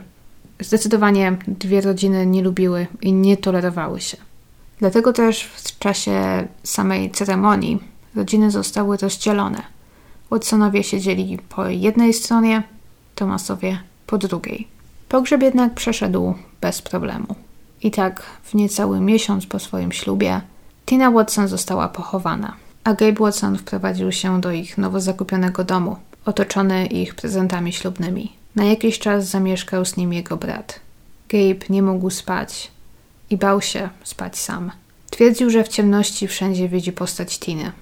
Zaczął też chodzić na terapię grupową dla młodych wdowców i wdów. Po kilku miesiącach wrócił do pracy w firmie rodziców. Musiał jakoś zarobić na spłacenie kredytu za dom i samochód. Tina została więc pochowana, ale po drugiej stronie globu, w Australii. Śledztwo w sprawie jej śmierci nie było zamknięte. Wciąż trwało zbieranie zeznań świadków i analiza sprzętu do nurkowania Tiny i Gabe'a. Ustalono, że Tina znajdowała się w wodzie przez łączny czas 10 minut. Zanurzyła się około 10.30. Ponieważ wtedy uruchomił się jej komputer do nurkowania, który zwykle uruchamia się automatycznie w momencie, gdy nurek znajduje się gdzieś na głębokości metra do półtora. A na powierzchnię Tina wypłynęła o 10.40. Największa głębokość, jaką osiągnęła, to oczywiście prawie 30 metrów. Innymi słowy, Tina spadła na samo dno. Komputer Gabe'a zanotował, że ten był w wodzie przez 7 minut. Zanurzył się o 10.30, tak samo jak Tina, i wypłynął na powierzchnię o 10.37, jakieś 3 minuty przed tym, gdy Wade Singleton wynurzył się z nieprzytomną Tiną. Jak wykazała analiza, sprzęt Tiny był sprawny. Nie wykryto w nim żadnych usterek. W kieszeniach jej kamizelki Tina miała łącznie obciążenie o wadze 9 kg. Analiza komputera Gabe'a też miała wskazywać na to, że ten wcale nie wynurzył się na powierzchnię tak szybko, jak twierdzi. Wiemy, że Wade Singleton wyniósł Tinę na powierzchnię w około półtorej minuty. Z samego dnia, eskortując przy tym nieprzytomną osobę, która oczywiście wcale w tym nie pomagała. A Gabe'owi samemu z głębokości około 15 metrów zajęło to prawie 3 minuty. Jedyne wyjaśnienie, jakie można tutaj znaleźć, jest chyba takie, że jemu po prostu wynurzenie się zajęło więcej czasu, ponieważ zatrzymał się na chwilę, widząc tych nutków schodzących w dół po linie. Plus, oczywiście, Gabe nie był nawet w połowie tak doświadczony i wysportowany jak Wade Singleton. W podobnym czasie, to jest w pierwszych miesiącach po śmierci Tiny, jej rodzice, w szczególności Tommy Thomas, zaczęli nabierać podejrzeń co do okoliczności jej śmierci. Nie wiedział nic o nurkowaniu, ale zaczął się dowiadywać. Skonsultował się też z kilkoma znajomymi, którzy byli nutkami. Usłyszał w odpowiedzi, że historia opowiedziana przez Gabe'a była według nich trochę dziwna, nietypowa na pewno. W szczególności ten fragment, w którym Tina miała spanikować, przestać płynąć i opaść powoli na dno. Każdy nutek albo w czasie swoich początkowych dni tego doświadczył, albo przynajmniej widział kogoś, kto spanikował pod wodą. U początkujących jest to dosyć powszechne. Ale zwykle w takiej sytuacji ma miejsce to, co też Tina zrobiła wcześniej, gdy spanikowała podczas tego swojego pierwszego testu w kwietniu. Wystrzeliła jak strzała na powierzchnię, w górę, ponieważ reakcją spanikowanego nurka jest właśnie wydostać się jak najszybciej z wody, a więc płynąć w górę, a nie bezładnie opadać w dół. Brzmiało to więc dziwnie, niepokojąco. Słysząc to wszystko, Tommy zadzwonił na posterunek policji w Townsville w Australii, w nadziei, że ktoś tam rozwieje jego wątpliwości i potwierdzi mu, że śledztwo wykazało, że było to nic innego jak nieszczęśliwy wypadek. Usłyszał jednak w odpowiedzi, że śmierć Tiny wciąż jest obiektem śledztwa i że wypadek to tylko jedna z badanych możliwości. Pod koniec listopada skontaktował się z nim Ken Snyder, ten nurek, który był obecny na pokładzie i który był świadkiem wielu wydarzeń z 22 października. Snyder podzielił się z nim swoimi obawami i obiekcjami i zarzutami co do historii opowiedzianej przez Gabe'a. Niedługo później, na święta Bożego Narodzenia, Tommy, Cindy i Jolanda, siostra Tiny, wylecieli do Australii. Jak wyjaśnili, nie mogli wytrzymać świąt w domu bez Tiny. Zamiast tego więc polecieli do Sydney, aby odwiedzić wszystkie te miejsca, które Tina odwiedziła przed śmiercią. Tommy poleciał nawet do Townsville, aby spotkać się i osobiście podziękować Wade'owi Singletonowi, który wyciągnął jego córkę z wody. Zobaczył też spoilt spot, na którym Tina spędziła swoją ostatnią noc. Później Tommy Thomas wracał w to miejsce kilka razy. Płynąc nawet z Singletonem w miejsce zatonięcia Jongali, aby zobaczyć wszystko na własne oczy. A jeśli wiecie coś o tej sprawie, jeżeli słyszeliście o niej wcześniej, to możliwe, że kojarzycie jeden z jej popularniejszych aspektów. Kwiaty znikające z grobu Tiny. Rodzice Tiny często, zwykle co tydzień, jeździli na jej grób i zostawiali tam kwiaty właśnie. Zawsze jednak odkrywali, że kwiaty zostawione tam tydzień wcześniej znikały. Zaczęli więc przymocowywać je przy pomocy łańcucha, ale i te zaczęły znikać. Nie był to ich jedyny problem, jeżeli chodzi o sprawę grobu Tiny. Rok po jej śmierci Gabe zadecydował, że Tina powinna zostać przeniesiona w inne miejsce, na tym samym cmentarzu i nie powinna być pochowana w miejscu wykupionym przez jej rodziców, lecz raczej obok grobów jego rodziny. Została więc przeniesiona. A jak później twierdzili Tommy i Cindy, w ogóle ich o tym nie poinformowano, dowiedzieli się o tym sami, Gabe odmawiał z nimi kontaktu i nie chciał im nawet powiedzieć, w jakie miejsce planuje przenieść Tinę. Również według nich trzy lata miało zająć Gabe'owi postawienie jej w końcu właściwego nagrobka. Wcześniej grób był nieoznakowany. A wracając do kwiatów, to mi w końcu poskarżył się kilku osobom na te znikające kwiaty i poradzono mu, aby zgłosił sprawę na policję. Tak też uczynił w październiku roku 2004. I już trzy tygodnie później, 7 listopada, policjant Brad Flynn rzeczywiście został odesłany na cmentarz, aby obserwować grób Tiny. Po ponad pięciu godzinach jego cierpliwość została nagrodzona. Bo na cmentarz zajechał Gabe Watson. Podszedł do nagrobka, po czym zawrócił napięcie, wrócił do samochodu, wyjął coś z niego i wrócił, trzymając w rękach duży sekator, którym przeciął łańcuch, którym Tommy wcześniej przymocował kwiaty. Zabrał je i wyrzucił u bram cmentarza, po czym odjechał. Brat Flynn z miejsca, gdzie siedział ukryty, uwiecznił wszystko na nagraniu. A Gabe Watson, skonfrontowany z tym potem, wpierw zaprzeczył, a potem przyznał, że robił to dla Tiny. Tomasowie umieszczali na jej grobie sztuczne kwiaty, a ona takich nie znosiła. Usuwał je, ponieważ wiedział, że Tina byłaby niezadowolona, widząc te kwiaty na swoim grobie. Wszystko to chyba też było właśnie podszyte taką nienawiścią do Tomiego i Cindy. Bo Watson musiał do jakiegoś stopnia myśleć o Tinie i przeżywać jej śmierć. W końcu przyjeżdżał na jej grób co tydzień. Gdyby go nie obchodziła, gdyby go to w ogóle nie obchodziło, to po prostu nie pojawiałby się tam.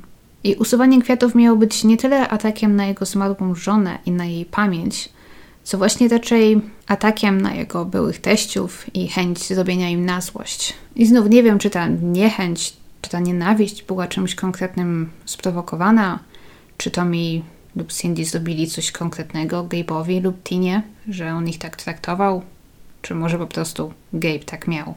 Zięciowie nie lubiący się z teściami to nie jest też przecież żadna rzadkość. Ale nie jest to też jedyna sytuacja, kiedy Gabe zrobił coś, co no, okazało się powiedzmy dosyć kontrowersyjne, albo i niesmaczne i coś, co rzuciło na niego cień podejrzenia. Bo zaraz po tym, gdy wrócił do Stanów z Australii, miał być słyszany, jak żartował. Dobrze, że Tina nie miała ubezpieczenia na życie, wartego miliony. Wtedy na pewno posadziliby mnie za morderstwo. Innym razem już na święta, więc kilka miesięcy po śmierci Tiny, zaprosił kilku bliskich znajomych, jego i Tiny, na takie wspólne spotkanie, wspominanie jej, oglądanie razem zdjęć. Gabe chciał powspominać ich pierwszy, szczęśliwy tydzień miesiąca miodowego i tak dalej. I pokazując im zdjęcia właśnie z ich wyjazdu, pokazał im też takie, na których Tina pozuje na plaży, stojąc obok znaku z napisem Uwaga, ryzyko utonięcia. Czyż to nie ironiczne? Miał śmiać się ze zdjęcia Gabe. Na święta to zesłał też kartki z życzeniami. W Stanach popularny jest taki zwyczaj, aby właśnie wysyłać wszystkim kartki, które często są spersonalizowane. Na przykład rodzina robi sobie pocztówki przedstawiające ich rodzinne zdjęcia, coś w tym stylu. Jak zawsze również takie pocztówki rozesłał, wykorzystując do tego zdjęcie z wesela jego i Tiny. Już sam fakt, że wysłał pocztówkę ze zdjęciem swojej tragicznie zmarłej żony – wydał się wielu niesmacznym. Jakby tego było mało, Gabe napisał na pocztówce. Kim jest ten przystojniak koło Tiny? A tak, to ja. To jeszcze nie koniec. Podczas przygotowań do pogrzebu, gdy Gabe zobaczył jej ciało, przygotowane do uroczystości w otwartej trumnie, ktoś stojący nieopodal miał usłyszeć, jak Gabe mówi: Przynajmniej jej piersi ładnie wyglądają. Mówiliśmy już o tym, że są ludzie, którzy radzą sobie z traumatycznymi sytuacjami humorem. Żartowanie z trudnej sytuacji, która nas dotknęła, może być sposobem na poradzenie sobie z negatywnymi emocjami.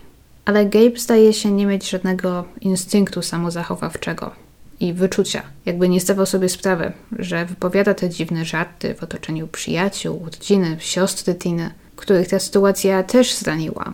On nie był tam jedynym cierpiącym ale z jakiegoś powodu Gabe Watson w ogóle nie potrafił postawić się w sytuacji ludzi wokół niego i zobaczyć się ich oczami. Bo znów, odkładając na bok spekulacje, czy Gabe jest tutaj czemuś winny, czy nie, swoją postawą tak zwyczajnie wszystkich do siebie zniechęcił, że nawet ludzie, którzy nigdy wcześniej go o nic nie podejrzewali, Teraz zaczęli mu się baczniej przyglądać. Gabe Watson miał też problemy z pieniędzmi. On i Tina, jak wiemy, nabrali kredytów i wszystkie teraz przypadły jemu. Tina nigdy też nie zmieniła swojej polisy na życie i te pieniądze, ponad 33 tysiące dolarów, zostały przekazane jej ojcu. Poza tym, tuż przed ich ślubem, Gabe tak jakby przejął długi Tiny. To było około 13 tysięcy dolarów. Takie typowe amerykańskie życie na kredyt. Tina po prostu miała jeszcze niespłacony kredyt, który wzięła, aby pójść do koledżu. I Gabe tak jakby przejął ten jej dług, ponieważ Tina miała bardzo niewielką zdolność kredytową przez to i nie mogli wziąć kredytu na taki dom, jaki chcieli. I Gabe po prostu przejmując na siebie ten jej dług, zwiększył jej zdolność kredytową. No ale teraz musiał też to 13 tysięcy spłacić. Wypełnił również podanie o zwrot kosztów, m.in. leczenia jego ucha, kosztów podróży i transportu ciała Tiny do Stanów. Ponieważ, jak może pamiętacie, miał właśnie to wykupione ubezpieczenie, ubezpieczenie podróżne czy turystyczne, które wykupił rezerwując ich wycieczkę do Australii. Łącznie jego rachunki za to wszystko opiewały na ponad 10 tysięcy dolarów. Otrzymał jednak odpowiedź odmowną. Jak się okazało, warunki ubezpieczenia turystycznego nie pokrywały wypadków podczas sportów ekstremalnych, do jakich przez ubezpieczyciela zaliczane jest nurkowanie. Gabe jednak nie wiedział o tym. Gdy kupował ubezpieczenie, poinstruowano go, że może sprawdzić jego warunki w internecie, ale on, nie mając na to czasu w całym tym zamęcie przed ślubem, nigdy tego nie zrobił. Rozczarowany tym wszystkim, uznał, że został oszukany i zdecydował się pozwać ubezpieczyciela. Doszło nawet do jednego spotkania Gabe'a, jego adwokata i adwokatów agencji ubezpieczeniowej i złożenia zeznań.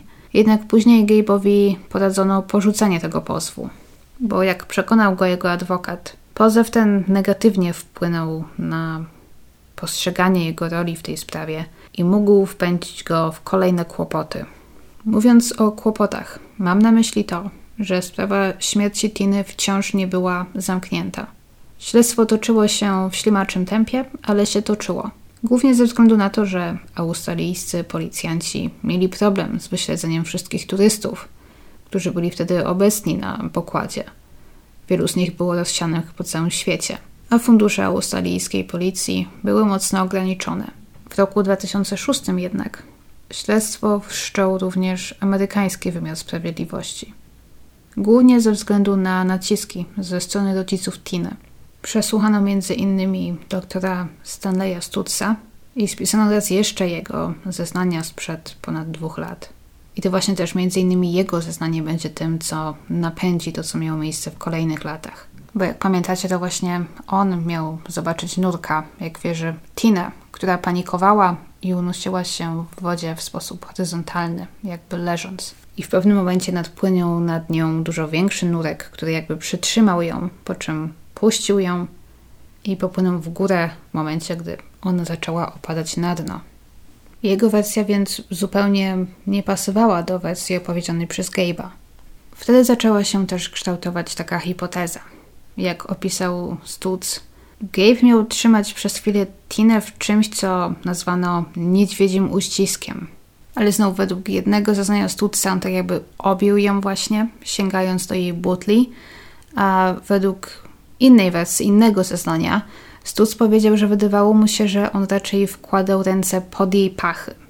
Więc mamy tutaj dwie wersje znowu. Ale cokolwiek on widział według jego zeznania, nie wyglądało to jak próba ocalenia Tiny.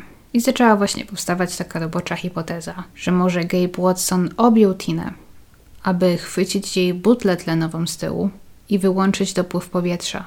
Przytrzymał ją, a gdy Tina straciła przytomność z braku tlenu, włączył dopływ powietrza ponownie, aby nikt tego nie zauważył. Jak wiemy, sprzęt Tiny został znaleziony bez żadnych uszkodzeń, bez żadnego problemu i przepływ powietrza był wtedy włączony. Wiedział, że Tina, będąc nieprzytomną, nie będzie w stanie oddychać przez swój aparat tlenowy i w czasie, gdy zostanie wydobyty na powierzchnię, będzie już za późno. Mózg człowieka umiera po około 4 minutach bez tlenu. Wiele zaoferowało też podwodne zdjęcie wykonane przez Garego Stemplera, to na którym Wade Singleton płynie w kierunku leżącej na dnie Tiny. Na podstawie widocznego gruzu i kamieni na dnie Mniej więcej oszacowano, gdzie Tina mogła leżeć.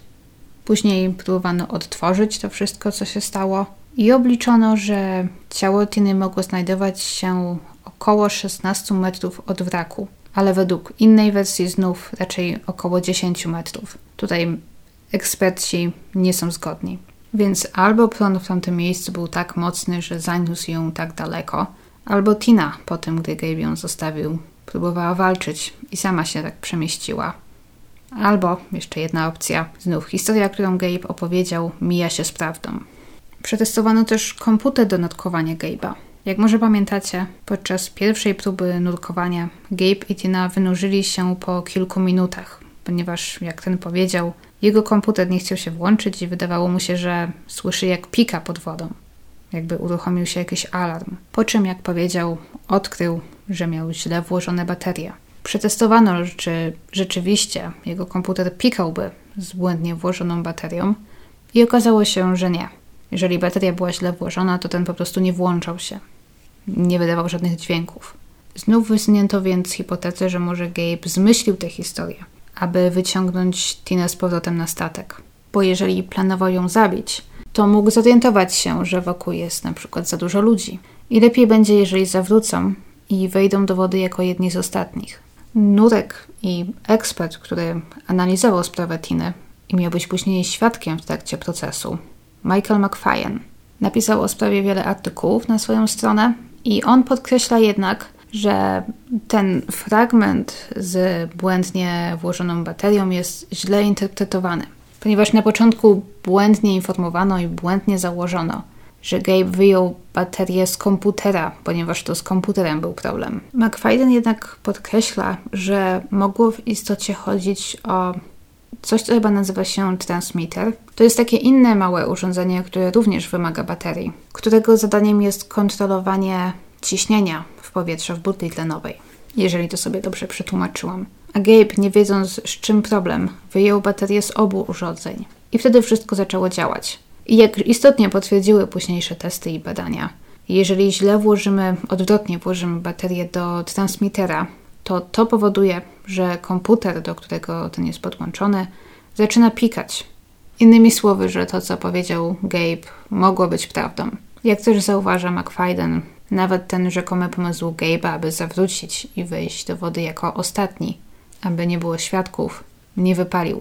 Jeżeli istotnie taki był jego zamysł. No bo koniec końców lądowali w pontonie w grupie z najbardziej doświadczonym nurkiem na całej wyprawie, Wade'em Singletonem.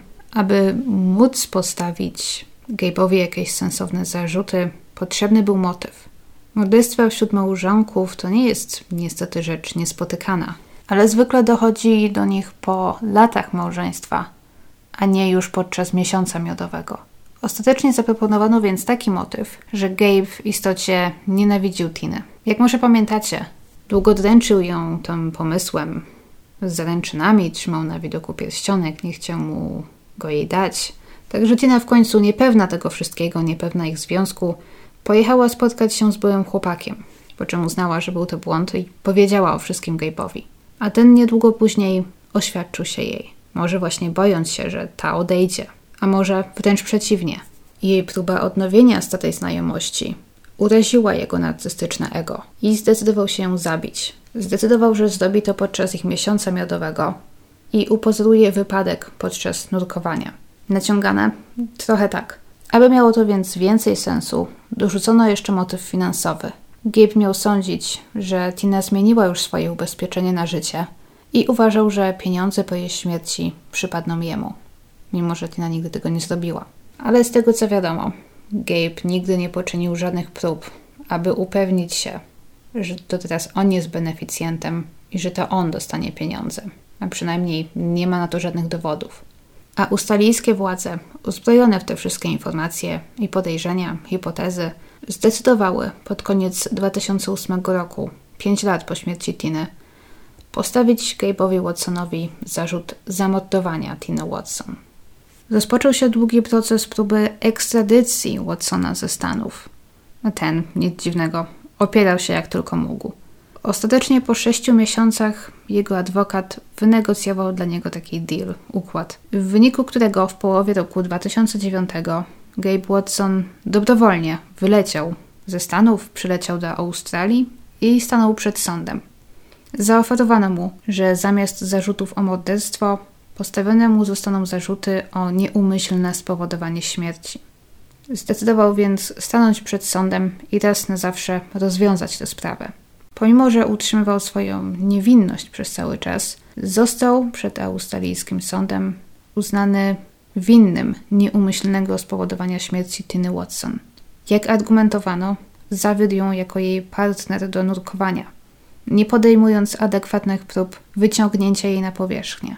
Nie podjął próby napełnienia powietrzem jej kamizelki wypłodnościowej, zrzucenia jej ciężarów, nie upewnił się, że ta oddycha i że jej aparat oddechowy poprawnie działa. Otrzymał wyrok 4,5 roku pozbawienia wolności, który został później zamieniony na wyrok w zawieszeniu po odsiedzeniu półtora roku. W roku 2010 więc Gabe został wypuszczony na wolność. Poniekąd. I deportowany do Stanów. Przypuszczam, że nigdy już nie planuje postawić nogi na australijskiej ziemi. Miał nadzieję powrócić do swojego życia w Stanach i rozpocząć wszystko raz jeszcze. Chciał też dołączyć do swojej nowej żony, którą poślubił niedługo przed wylotem do Australii. Kim Lewis, z którą podobno jest do dziś. Poznali się przez ich wspólnego znajomego, chodzili podobno razem do liceum, ale wtedy się nie znali i wiele osób zwraca uwagę na to, że Kim jest łudząco podobna do Tiny Watson. Z decyzji australijskiego sądu nie byli zachwyceni Tommy i Cindy Thomasowie, którzy oczekiwali, że Watson zostanie skazany za morderstwo z premedytacją i otrzyma długi wyrok. Ale dla Gabe'a Watsona to wcale nie był koniec jego przygód z prawem. Niby został skazany w Australii, niby odsiedział wyrok, ale w Stanach czekało go więcej rozrywek. Bo na wieść o tym, że Watson ma zostać deportowany z powrotem do Stanów, rząd Alabamy zaczął przygotowywać swój własny pozew przeciwko niemu. Nie mogli skazać go za przestępstwo popełnione na terenie Australii, więc obeszli to tak, że wysunęli wniosek, że Watson porwał Tinę jeszcze w Stanach. Zwabił ją do Australii pod pretekstem miesiąca miodowego i wspólnego nutkowania. Ale w istocie od początku jego zamiarem było pozbawienie jej życia. Także zaplanowanie przestępstwa i samo przestępstwo rozpoczęło się jeszcze w Stanach. Sposób, w jaki zbudowano tę hipotezę i w jaki uzasadniono te zarzuty postawione mu, spotkał się z dużą krytyką, ponieważ władze naciągnęły i zinterpretowały prawo i dowody tak, aby wszystko pasowało do ich postawionej już wcześniej tezy. Innymi słowy, rząd amerykański może zupełnie obejść swoje własne prawo i robić co chce, jeżeli są ku temu mocne naciski. A wtedy były i od opinii publicznej, i od rodziców Tiny. Po przylocie do Stanów więc Gabe Watson został od razu zatrzymany i postawiono mu zarzut morderstwa. Ustalono datę jego wstępnego przesłuchania przed sędzią na 13 lutego 2012 roku, po czym pozwolono mu wyjść na wolność za kaucją. A w lutym, po 10 dniach, w czasie których prokuratura przedstawiała swoje dowody sędziemu, to nie był jeszcze taki właściwy proces z ławą przysięgłych i tak. W prostych słowach, wpierw sędzia ma przeanalizować wszystkie dowody i argumenty i zadecydować, czy sprawa jest w ogóle na tyle mocna, aby uzasadnić koszty właściwego, długiego procesu z przysięgłymi i wszystkimi tymi bajerami. I tak po 10 dniach sędzia Tommy Nail odrzucił zarzuty prokuratury, decydując, że dowody przeciwko Watsonowi są zbyt słabe. Prokuratura według niego nie potrafiła wykazać, że Gabe Watson miał motyw w zamordowaniu swojej nowej żony. Nie było żadnych dowodów poza historią opowiedzianą przez Tomiego Tomasa, tej historii o zmianie polisy na życie Tiny. Poza tym, jak zauważył, nawet gdyby Watson otrzymał te 33 tysiące dolarów, czy nawet więcej po tym, gdy Tina zwiększyłaby swoją polisę na życie, wciąż biorąc pod uwagę pokrycie kosztów tego niespodziewanego przerwania ich podróży i wszystkich innych długów, Gabe Watson tak czy inaczej wyszedłby z tymi z długami, więc ciężko było doszukiwać się tutaj motywu. I 23 lutego 2012 roku, prawie 9 lat po śmierci Tiny, sędzia odrzucił zarzuty I tym samym właściwy proces Watsona nigdy nie doszedł do skutku. Od tej decyzji, od decyzji sądziego nie ma odwołania. Nie tak jak w przypadku decyzji ławy przysięgłych. Więc był to koniec sprawy przeciwko Watsonowi. Od tamtego momentu wyszedł na wolność jako wolny człowiek. Jedyne zarzuty, jakie ma na swoim koncie, jakie pozostały, to oczywiście to nieumyślne spowodowanie śmierci w Australii. I musimy trochę pomówić o doświadczeniu w nutkowaniu Tiny i Gabe'a, a może o jego braku. Jak wykazał komputer Tiny, najgłębsze jej nurkowanie w przeszłości, zanim nutkowała na Jongali, to było 9 metrów, a jak wiemy, Jongala była zatopiona na głębokości prawie 30. Tina nigdy wcześniej nie nutkowała też na otwartych wodach i nie doświadczyła prądów morskich. Wszystkie jej szkolenia, zajęcia, testy miały miejsce albo w basenie, albo w niewielkim sztucznym zalewie. Jak wiemy, w kieszeniach jej kamizelki znaleziono łącznie obciążenie ważące 9 kg. Po pierwszym wynurzeniu się Tina narzekała, że ma problemy z zejściem na dno i że nie jest wystarczająco ciężka. To, ile nurek potrzebuje obciążenia, zależy od wielu rzeczy: od jego wagi, umiejętności, warunków w wodzie. Później jednak eksperci oszacowali, że Tina powinna była mieć przy sobie nie więcej niż 4 kg obciążenia, a nie 9, więc miała na sobie ponad dwa razy więcej. Zbyt duże obciążenie też może spowodować, że kamizelka wypłodnościowa, czyli już sama nie wiem, czy tą część wytłumaczyłam, czy nie, ale każdy nutek ma na sobie taką kamizelkę ratunkowo-wypłodnościową i jeżeli chce na przykład utrzymać się w wodzie albo wypłynąć na powierzchnię, to może napełnić ją powietrzem z butli tlenowej. Ale zbyt duże obciążenie jej może spowodować, że kamizelka nie wypełni się powietrzem we właściwy sposób. I podkreślmy też jeszcze jedną rzecz. Na ich wyprawie byli nutkowie, którzy mieli zarejestrowanych i po 500 nutkowań na otwartych wodach, w różnych miejscach na świecie, w różnych sytuacjach. Gabe miał ich ledwie ponad 50. I to na przestrzeni wielu lat. One były rozciągnięte na przestrzeni bodajże lat pięciu. Jednak to i tak zakwalifikowało go jako czerwonego nurka, najbardziej doświadczonego. Ale czy tak rzeczywiście powinno było być? Większość doświadczenia Gabe'a, poza nurkowaniem raz w wodach Meksyku i raz na Florydzie, to było nurkowanie w środowisku takim kontrolowanym. Znowu baseny, zalewy, stawy. Miejsca, które nie mają żadnych szczególnych prądów i nie są w żaden sposób zmienne i nieoczekiwane. No ale okej, okay, ktoś może powiedzieć, przecież Gabe wciąż miał certyfikat nurka ratownika. To brzmi poważnie. Przeszedł szkolenie, jak wynurzać na powierzchnię ludzi w opałach. Powinien być odpowiednio przeszkolony do tego, aby pomóc Tinie ale sęk w tym, że jego szkolenie było krótkie, jak zauważyła kilka ekspertów, za krótkie z jakiegoś powodu. Bo jak znów jeden z ekspertów zauważył, aby otrzymać status nurka ratownika, trzeba przejść kurs trwający minimum 4 dni, a Gabe'owi nadano ten tytuł po zaledwie dwóch dniach. I to jeszcze w niewielkim zalewie, a nie w morzu czy oceanie. Zwykle też Gabe nutkował z osobami bardziej doświadczonymi od siebie albo równymi sobie, nigdy z kimś takim jak Tina. Poza tym większość jego przygód z nutkowaniem miała miejsce pod koniec lat 90. Tuż przed ich wyprawą w roku 2003 Gabe nutkował niewiele. Jest jeszcze kwestia wady serca Tiny. Wady, która została zoperowana dwa lata wcześniej i która teoretycznie nie sprawiała jej już problemów. Nigdzie z jakiegoś powodu jednak w jej dokumentacji nie wpisano, nie zaznaczono faktu, że Tina taką wadę miała i że przeszła operację. A taka informacja gdzieś powinna była się znaleźć. Tina nie poinformowała o tym Wade'a Singletona, który nie miał o niej pojęcia. I nie wiadomo, czy ta wada serca miała jakikolwiek wpływ na to, co się stało, na zachowanie Tiny i na jej śmierć, ale prawdopodobnie gdyby Singleton wiedział o niej, zwróciłby większą uwagę na bezpieczeństwo Tiny. I taki profesjonalny nurek, Australijczyk Michael McFadden, analizował sprawę Watsona i miał właśnie zostać jednym z wielu ekspertów, który miał zeznawać podczas tego ewentualnego procesu w Alabamie, który nie doszedł do skutku. I McFadden właśnie ma swoją stronę na temat nurkowania i tam jest masa artykułów na temat sprawy Tina Watson. I powiem Wam, że nie ma nic lepszego niż czytanie szczegółowych artykułów napisanych w prosty sposób, tak żeby każdy like to zrozumiał, przez eksperta w danej dziedzinie, który właśnie analizuje jakąś taką kontrowersyjną, sporną sprawę kryminalną. McFadden super wszystko wyjaśnił, także ja, osoba, która nigdy nie nutkowała ze sprzętem, całkiem dobrze to wszystko zrozumiała i wręcz prawie czuję się, jakbym przeszła nagle jakiś szybki, teoretyczny kurs nutkowania. Oczywiście zostawiam jego stronę w linkach, w źródłach na dole na YouTube, jakby ktoś chciał rzucić okiem. On opisuje szeroko sprawę Tiny, jak i różne inne incydenty, wypadki podczas nutkowania. Także to są grube godziny czytania, jeżeli ktoś jest zainteresowany.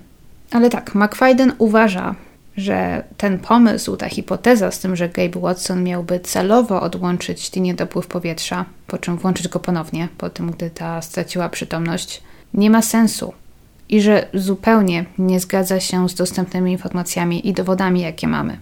Zakręcenie tego zawodu przy butli tlenowej wcale nie jest łatwe, musiałoby zająć trochę czasu.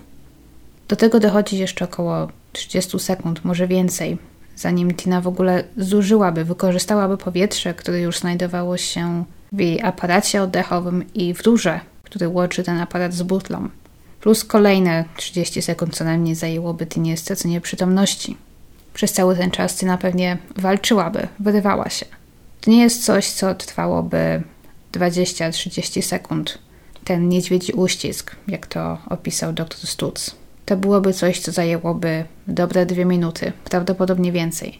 Do hipotezy o chwilowym wyłączeniu dopływu powietrza nie pasuje też ilość sprężonego powietrza, jaka znajdowała się w butli po wyciągnięciu Tiny z wody. Biorąc pod uwagę, że Tina była pod wodą jedynie z 10 minut, z czego kilka ostatnich minut nie oddychała, w jej butli znaleziono niezwykle mało powietrza, mniej niż normalnie znajdowałoby się tam w normalnych warunkach po takim czasie. A jak pamiętacie, po tym, gdy Gabe i Tina wynurzyli się, mając ten problem z komputerem, ich butle zgodnie z przepisami zostały dopełnione, więc schodząc do wody po raz drugi, ich butle były pełne. I jak McFadden tłumaczy, ludzie zużywają więcej tlenu w sytuacji dużego wysiłku na przykład, gdy walczą z bardzo silnym prądem – i wymaga to po prostu większego, znacznie większego wysiłku fizycznego. Ale zużywają też więcej powietrza w sytuacji stresowej, gdy panikują i ich oddech przyspiesza. A w butli tlenowej Tiny znajdowało się zdecydowanie mniej powietrza niż powinno było, co świadczy o tym, że ta zużyła go znacznie więcej. A jeżeli mówilibyśmy o sytuacji, w której Gabe wyłączyłby jej dopływ powietrza na jakiś czas, aby później ponownie go włączyć już po utracie przytomności, tego powietrza powinno tam znajdować się wtedy znacznie więcej, ponieważ Tina zwyczajnie by go nie zużyła. A mówiąc jeszcze o tych prądach i o tym, czy łatwo, czy trudno było wtedy pływać koło wraku, to jest to kwestia sporna. Są tacy, którzy uważają, że prąd był bardzo słaby, że pływało się dosyć łatwo. Są tacy, którzy uważają, że było im dosyć ciężko.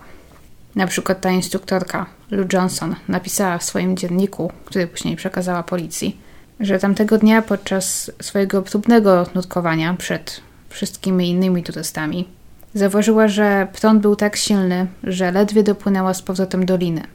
Niektórzy zgłaszali coś podobnego, inni, że nie było tak źle. Znowu może domyślam się, że to kwestia, nie wiem, miejsca. Przypuszczam, że miejscami ten prąd był silniejszy, miejscami słabszy.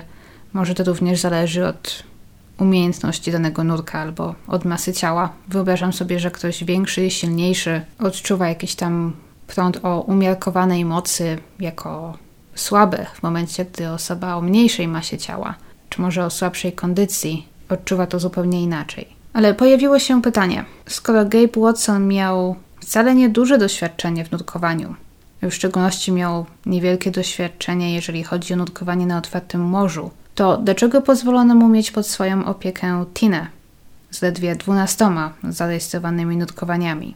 W momencie, gdy ta nawet nie kwalifikowała się, aby nutkować tam wokół wraku. Jak może pamiętacie, firma Mike Ball Expeditions kierowała się takim systemem, że wszyscy nurkowie, którzy mieli na swoim koncie 15 nurkowań lub mniej, ale w morzach i oceanach oznaczona kolorem zielonym, 15 do 50 to był kolor żółty i powyżej 50 kolor czerwony, najbardziej doświadczony. Tak samo oznaczyli też wszystkie miejsca, w których ich turyści nurkowali. Zielone to były najłatwiejsze, żółte trochę trudniejsze i czerwone najtrudniejsze. Tym sposobem nutek z oznaczeniem np. zielonym mógł nutkować samodzielnie jedynie w innych miejscach oznaczonych kolorem zielonym. Nutek z kolorem żółtym mógł tylko nutkować samodzielnie tych oznaczonych na żółto i zielono i tak dalej. W każdym innym miejscu, jeżeli mowa o miejscu czerwonym, obowiązkowa była obecność przeszkolonego instruktora, czy może nawet rezygnacja z danego nutkowania, jeżeli instruktor uzna, że nutek może być na to niegotowy. Później, jeżeli nutek zapozna się z miejscem i instruktor uzna, że radzi sobie dobrze i czuje się pewnie, to temu może być pozwolone nutkowanie samodzielne. Ale nie za pierwszym razem. Pierwszy raz powinien zawsze być z instruktorem. Jak wiemy, SS Jongala miała oznaczenie czerwone, najbardziej wymagające. I Gabe Watson, wypełniając taki formularz, który wszyscy musieli przed nutkowaniem wypełnić tam na statku, dokumentując swoją historię, doświadczenie itd., tak wpisał właśnie, że nutkował 55 razy, co było zgodne z prawdą.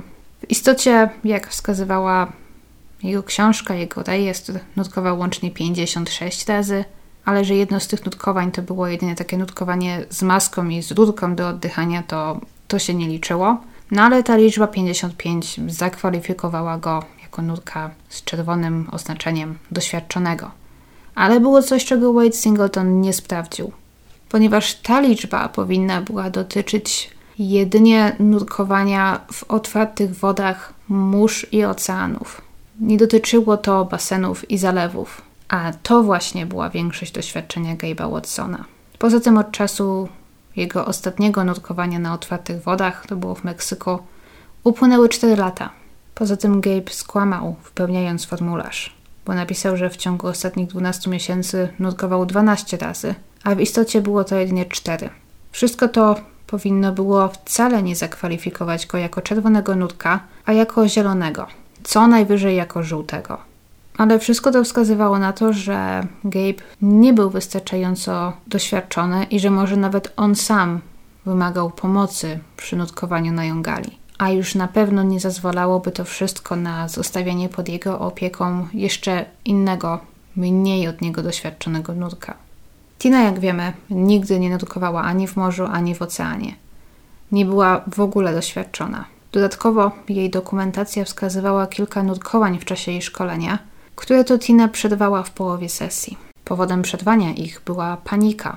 Wade Singleton powinien był to zauważyć i zapytać o powód, ale nie zapytał. Poprawnie jednak zaproponował jej pierwsze nurkowanie orientacyjne pod jego nadzorem, ale Tina odrzuciła ten pomysł. Wolała płynąć z mężem.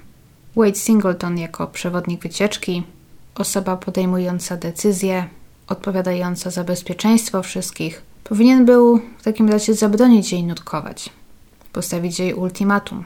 Albo przejdzie szkolenie, nurkowanie orientacyjne, albo nie pływa w ogóle, ponieważ Gabe nie był ani odpowiednio przeszkolony, ani nie był pracownikiem ich firmy, aby móc go nadzorować. Wade nie mógł ręczyć za jego kwalifikacje. A jednak Wade niczego nie zdobił. Przypuszczam, że zadziałał tutaj trochę taki konflikt interesów, bo z jednej strony to Wade tutaj dowodził, ale z drugiej strony klient nasz pan. Gabe i Tina płacą za ten rejs i to grube pieniądze. Wade, utrudniając nowożeńcom wspólne nurkowanie, mógłby narazić się na ich niezadowolenie. A co za tym idzie, skargę do biura albo negatywne recenzje w internecie, bo recenzowanie rzeczy w sieci pod koniec roku 2003 już powoli zaczynało się rozwijać, głównie na różnego rodzaju forach internetowych. Wade Singleton musiał pewnie gdzieś tam balansować pomiędzy bezpieczeństwem a zadowoleniem jego turystów. Ale to nie koniec niedociągnięć, bo poza tym przepisy firmy mówiły o tym, że butle tlenowe każdego nurka muszą być oznaczone właściwym kolorem, odpowiadającym jego doświadczeniu, tak aby pod wodą od razu było widać, kto jest doświadczony, czerwony, a kto nie, kto jest zielony i trzeba zwrócić na niego większą uwagę. Ale na tej wyprawie pominięto ten krok. Nikt nie był oznaczony. Wade Singleton miał również obowiązek spotkać się z każdym uczestnikiem wyprawy przed nutkowaniem i zdobyć wywiad na temat ich doświadczenia, tak jak zrobił, ale powinien był zrobić to z każdym indywidualnie, Regulamin mówił nawet o rozmawianiu osobno, w szczególności z małżonkami, ponieważ ci mają tendencję do wpływania na swoje odpowiedzi i mogą wywierać na sobie presję, właśnie na przykład osoba bardziej doświadczona może naciskać i wywierać presję na osobę mniej doświadczoną, aby ta nurkowała razem z nią w miejscu, którego może się boi lub w którym nie czuje się pewnie. Rozmowa z każdym indywidualnie, w cztery oczy, mogła pomóc wyłapać takie rzeczy. A Tina i Gabe, jak wiemy, poszli na rozmowę razem. Niedługo później, gdy to wszystko wyszło na jaw, Mike Ball Expeditions zaczęło wysyłać e-maile do swoich pracowników, przypominając o regulaminie i podkreślając, jak ważne jest przestrzeganie zasad bezpieczeństwa, w szczególności tych, które właśnie Wade Singleton przeoczył podczas wyprawy w październiku 2003 roku. Więc firma musiała w którymś momencie zrozumieć, że wina poniekąd jest po ich stronie. I zostali też pociągnięci do odpowiedzialności, bo w roku 2007 przyznali się do nieprzestrzegania przepisów bezpieczeństwa, swoich własnych przepisów bezpieczeństwa i zapłacili ponad 6 tysięcy dolarów kary. Poza tym nie ponieśli żadnych innych konsekwencji. Żadnych konsekwencji nie poniósł również Wade Singleton, który był za wyprawy odpowiedzialny. Zmierzając powoli do jakiegoś podsumowania. Analiza eksperta Michaela McFaydena wskazuje na to, że Gabe Watson był zwyczajnie zbyt niedoświadczony i widząc panikę Tiny, sam spanikował. Jak zeznał Gabe wielokrotnie, gdy chciał zabrać Tinę z powrotem do liny i na powierzchnię, gdy ta zasygnalizowała, że chce wracać, napełnił swoją kamizelkę powietrzem i pokazał Tinie, aby zrobiła to samo. Uważał, że widział, jak ta to robi, ale nie był pewien. Podejrzewa się, że Tina mogła nie wcisnąć guzika zbyt długo lub zbyt mocno i nic się nie stało. Nie wiem, jak dokładnie napełnia się powietrzem taką kamizelkę, ale podobnie nie jest to takie łatwe, że tylko jedną rzecz się wciska i siup, ona się napełnia. Według jednych wersji coś trzeba wcisnąć na jakąś chwilę, według innych coś trzeba pociągnąć. Tak czy inaczej, Tina prawdopodobnie nie zrobiła tego we właściwy sposób. I jak zaznacza McFadden, w tamtym momencie Gabe powinien był po prostu sięgnąć i zrobić to za nią. To powstrzymałoby spadanie Tiny na dno i pozwoliło mu spokojnie, powoli wyciągnąć ją na powierzchnię. Ale Gabe nie zrobił tego, bo najwyraźniej nie był do tego odpowiednio dobrze przeszkolony i spanikował. A Tina zaczęła opadać niżej. Gdy Gabe próbował płynąć w jej kierunku, jak wytłumaczył, nie mógł jej dosięgnąć, nie mógł na nią nadążyć, ona opadała znacznie szybciej niż on płynął.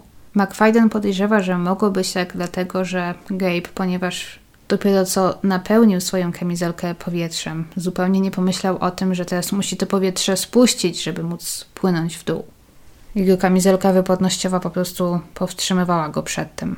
Jak Gabe powiedział też tuż przed tym, gdy to miało miejsce, Tina miała strącić jego maskę i aparat oddechowy, przez co Gabe musiał puścić Tinę, żeby to naprawić. W mocno słonej wodzie nurek bez maski jest praktycznie ślepy. Woda jest zbyt słona, żeby tak po prostu móc otworzyć w niej oczy i się rozejrzeć. Nie miał więc innego wyjścia i nie mógł zrobić niczego innego w tamtej sytuacji. Jednak po wszystkim, gdy zobaczył, że Tina zaczęła opadać na dno, nie powinien mieć żadnego problemu z dopłynięciem do niej i wyciągnięciem jej na powierzchnię. Tak jak później Wade Singleton popłynął w dół, aby wyciągnąć ją z dna. Jednak tutaj najwyraźniej zadziałała panika. Wade Singleton miał doświadczenie w postaci ponad 500 nurkowań, Gabe Watson zaledwie 50. McFadden zrobił też niesamowitą robotę tworząc taki graf. Na podstawie informacji z komputerów wszystkich nutków, wszystkich nutków istotnych dla sprawy przynajmniej, czyli m.in. Tina, Gabe'a, Wade'a, doktora Stutza, pokazał na wykresie, w którym czasie kto kiedy zanurzył się w wodzie i kiedy jaką głębokość osiągnął. I tym sposobem w dosyć łatwy sposób wykazał, że najważniejszy świadek od którego zaczęła się ta cała hipoteza, historia z niedźwiedziem uściskiem, czyli dr Stutz, nie mógł widzieć tego, co opisał. Według wykresu McFaydena, Gabe i Tina rozdzielili się na głębokości 16 metrów, około 10.35 i 40 sekund, bo to w tym momencie Tina zaczęła opadać coraz głębiej, a Gabe ruszył na powierzchnię. Natomiast komputer doktora Stutza uruchomił się dopiero o 10.37, minutę i 20 sekund później. Co oznacza, że doktor wtedy dopiero co się zanurzył i był na głębokości około 5 stóp czy też 1,5 metra, bo to właśnie wtedy zwykle komputer się uruchamia automatycznie. I w tym momencie, gdy on był na tej głębokości o 10.37, jak widzimy na wykresie, Gabe był już na głębokości 5 metrów i płynął na powierzchnię. A Tina znajdowała się prawie na samym dnie, czyli na głębokości około 25 metrów. I jak widzimy z wykresu, dwie minuty później została podniesiona przez Wade'a Singletona. Co oznacza, że Stutz nie mógł widzieć tego, co opisał i co zeznał policji. Bo w momencie, gdy Gabe był na tyle blisko Tiny, aby móc złapać ją w takim uścisku, jak opisał to Stutz, ten nawet nie był jeszcze w wodzie albo dopiero co się zanurzył. Nawet jeżeli założymy, że informacja, że czas odczytany z tych komputerów jest błędny i Stutz w istocie zanurzył się wcześniej, wciąż jak zauważa McFadden, z miejsca, gdzie Stutz, jak twierdzi, widział Tina i Gabe'a, dzieliło go od nich około 12 metrów. Tamtego dnia widoczność w wodzie określano na może 10 metrów. Więc McFadden nie mógł ich widzieć, albo zdecydowanie niewyraźnie na tyle wyraźnie, aby móc widzieć Tinę i jej przestraszoną twarz i wielkie otworzone oczy.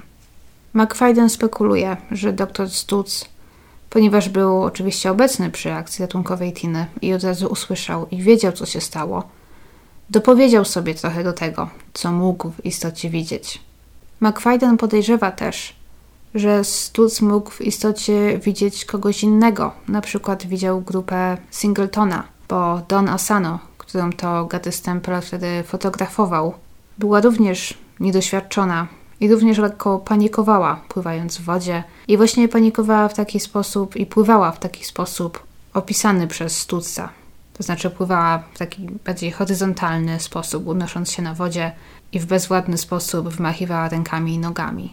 A ten niedźwiedzi uścisk, który miał widzieć, jeżeli istotnie coś widział, mógł być w istocie uściskiem, którym Wade Singleton chwycił i podniósł Tinę, aby zebrać ją do góry.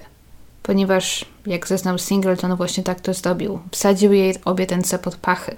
McFadden sugeruje, że Stuz mógł właśnie zobaczyć to później i w rezultacie tego całego stresu i zamieszania po prostu pomylił się. McFadden podkreśla też, że w swoim pierwszym zeznaniu na świeżo w październiku roku 2003 Zanotowano, że Stutz powiedział, że Nurek, który uratował i wyciągnął Tinę na powierzchnię, no bo on i to widział, nadpłynął z góry, z nad niego, z głębokości podobnej do tej, na której był Stutz, co jak wiemy nie mogło mieć miejsca, bo Wade Singleton w momencie, gdy zobaczył Tinę, był na głębokości około 24 metrów. Innymi słowy, wiele wskazuje na to, że Stutzowi coś się pomieszało. I on wcale nie musi specjalnie coś tutaj mieszać. Po prostu wszystko działo się tak szybko. Mówimy tutaj w końcu o kilku minutach zaledwie. Doszło do tego jeszcze stresująca próba przywrócenia oddechu Tinie i jej nagła śmierć. Wszystko to mogło wpłynąć na jego wspomnienia. Innym mitem, z którym również McFadden się rozprawił na swojej stronie w swoich artykułach, jest taka często powtarzana informacja, że Gabe Watson miał opowiedzieć 16 różnych wersji tego, co się wydarzyło. McFadden zebrał wszystkie dostępne wersje opowiedziane przez Watsona i wykazał, że opis jego wydarzeń za każdym razem był podobny. Niewielkie detale zmieniają się, co jest zrozumiałe w sytuacji, gdy ktoś opowiada długą, złożoną historię wiele razy na przestrzeni czasu, na przykład zaraz po incydencie, jak i na przykład kilka miesięcy czy kilka lat później. Największe różnice dotyczą na przykład kolejności różnych wydarzeń, na przykład kolejności, w której Tina miała strącić jego sprzęt z twarzy. W niektórych wersjach również e, Gabe wspomniał o tym uszkodzonym uchu, w innym przemilczał to. Więc tak, Gabe Watson opowiedział wiele wersji wydarzeń, wiele razy opowiedział o tych wydarzeniach, ale wszystkie te wersje są do siebie bardzo podobne.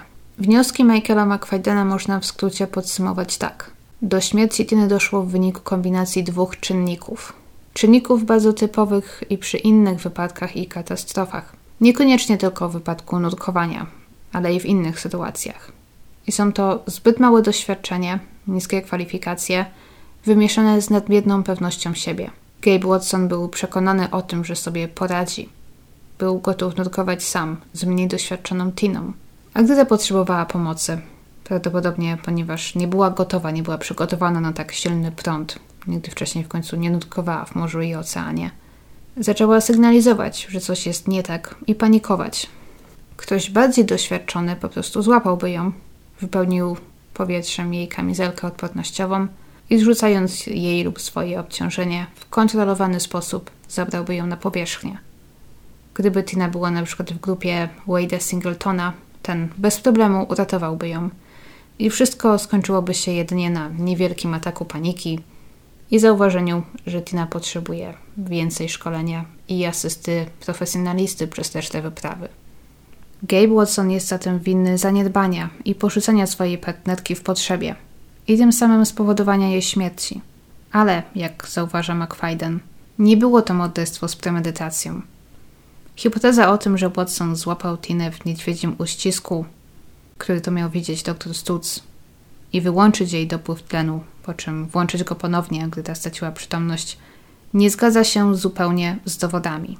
Wyłączenie tlenu, zaczekanie aż Tina zużyje ten, który ma i straci przytomność, wszystko to szacuje się zajęłoby od dwóch do czterech minut. A w komputerach ani Gabe'a, ani Tiny nie ma momentu, w którym ci unosiliby się razem w wodzie przez tak długi czas.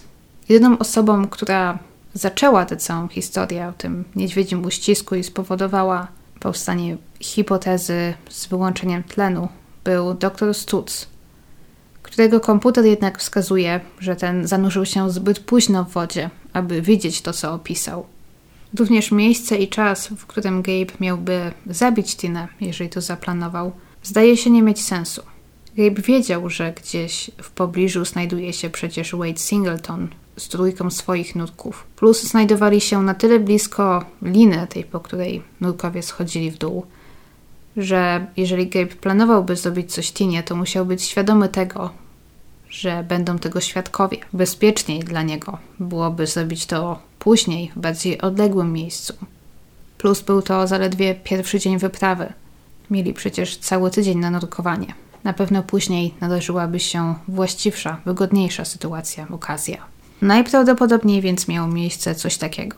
Gabe i Tina zeszli na dół, puścili się liny, mieli zamiar przepłynąć nad wrakiem, tak jak powiedzieli, ale po przepłynięciu gdzieś około kilkudziesięciu metrów, Tina zasygnalizowała, że chce wrócić do liny i na górę. Prawdopodobnie zdała sobie sprawę, że jest zbyt obciążona i że prąd jest zbyt silny. W drodze powrotnej, płynąc pod prąd, zaczęła panikować. Gabe musiał napełnić swoją kamizelkę wypłatnościową i zasygnalizować Tinie, aby ta zrobiła to samo. Lecz ona nie zrobiła tego w sposób właściwy lub mechanizm nie zadziałał i kamizelka nie wypełniła się. Tina zaczęła dalej opadać na dno. Gabe próbował ją złapać, a ta panikując i wymachując rękami, strąciła jego maskę i aparat oddechowy. Ten, nie mając innego wyboru, puścił ją, aby to naprawić. W momencie, gdy jego maska była na miejscu, opróżniona z wody, to zajrzał się i zauważył, że Tina opada dalej na dno i że potrzebuje pomocy.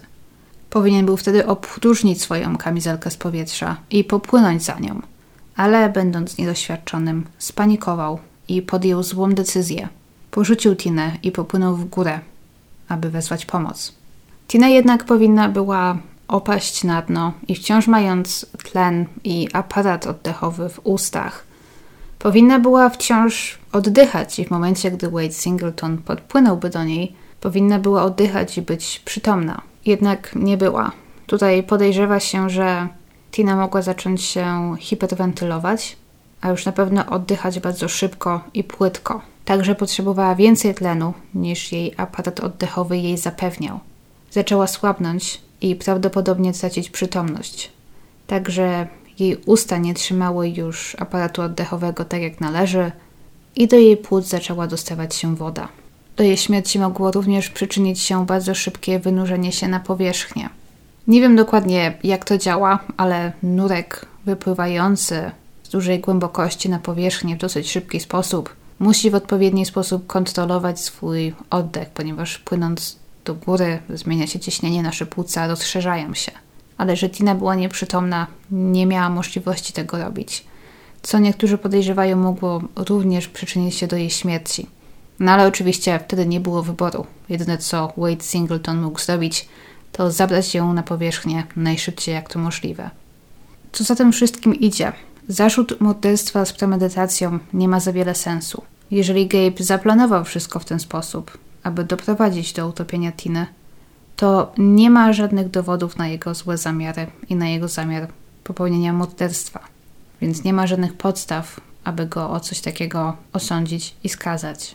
Bardziej racjonalny więc wydaje się zarzut o nieumyślne spowodowanie śmierci i niezapewnienie bezpieczeństwa i pomocy partnerce w potrzebie.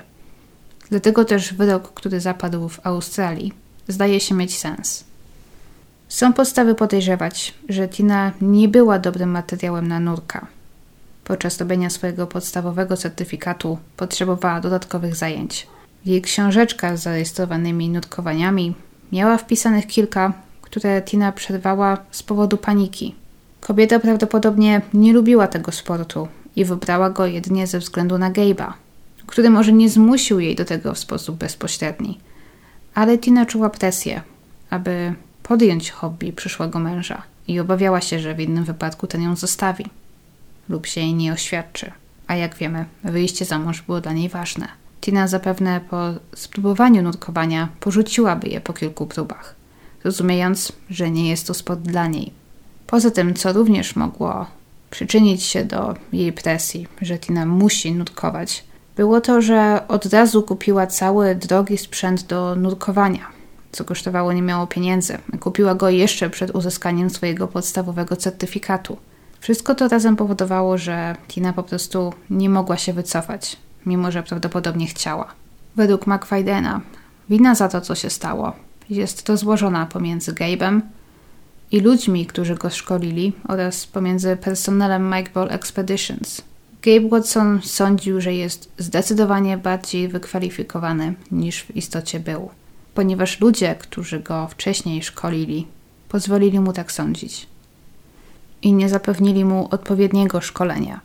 Dla przykładu ten certyfikat nutka ratownika zdobił w dwa dni, w momencie, gdy powinien on był zająć minimum cztery. Jeżeli Gabe miał wątpliwości co do swoich umiejętności, nie stracił ich. Błędnie pozwalają wszystkim sądzić, że jest znacznie bardziej doświadczony niż w rzeczywistości był. A Wade Singleton uwierzył mu na słowo, nie sprawdzając dokładnie jego doświadczenia i zostawiając bezpieczeństwo Tiny w jego rękach. Wiele osób jest do dziś przekonanych, że Gabe Watson musiał zaplanować i zamordować Tinę Watson. Uważają tak z kilku powodów.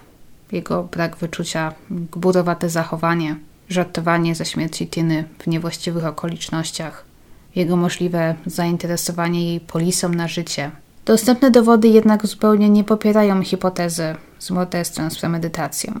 Jeżeli istotnie tak było, jeżeli Gabe istotnie zamordował celowo Tinę, to zrobił to w jakiś inny sposób niż ten zaprezentowany przez policję, ten z niby wyłączeniem jej butli tlenowej, ponieważ zwyczajnie nie popierają tego dowody. Jednak jest coś w tym, że ludzie lubią dramatyczne wydarzenia. Lubią intrygi, zagadki z morderstwami w tle.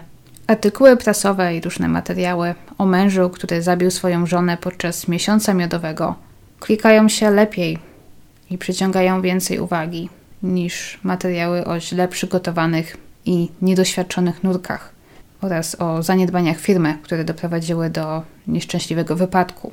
Nie pomógł też Gabe Watson, który nie zaprezentował się jako człowiek, którego łatwo jest darzyć sympatią.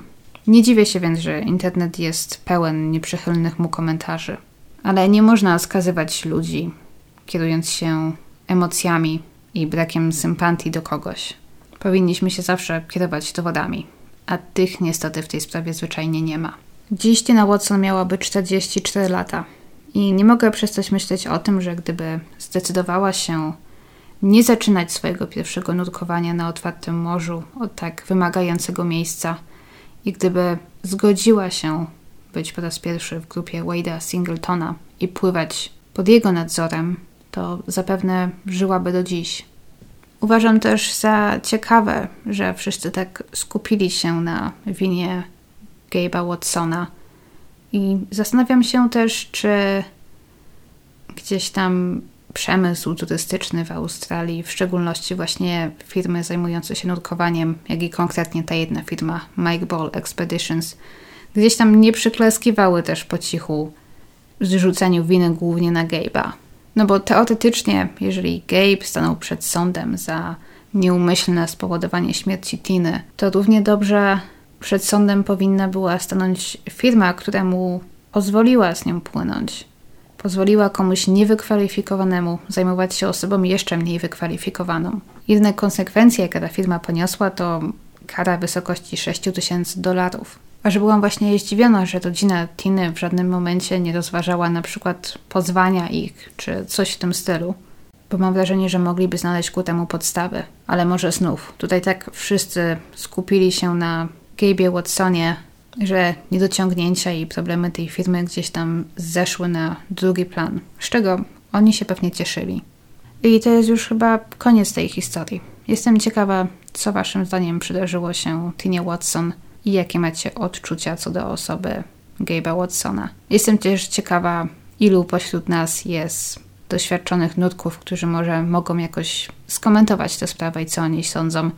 I mam nadzieję, że nie popełniłam żadnych rażących błędów, mówiąc o sprzęcie związanym z nutkowaniem i o nutkowaniu jako takim. Osobiście po zapoznaniu się z tą sprawą czuję się bogatsza w wiedzę o podstawach nurkowania i o tym, jak to w rzeczywistości wygląda i o sprzęcie, jakiego się używa, ponieważ nigdy wcześniej nie miałam o tym najmniejszego pojęcia.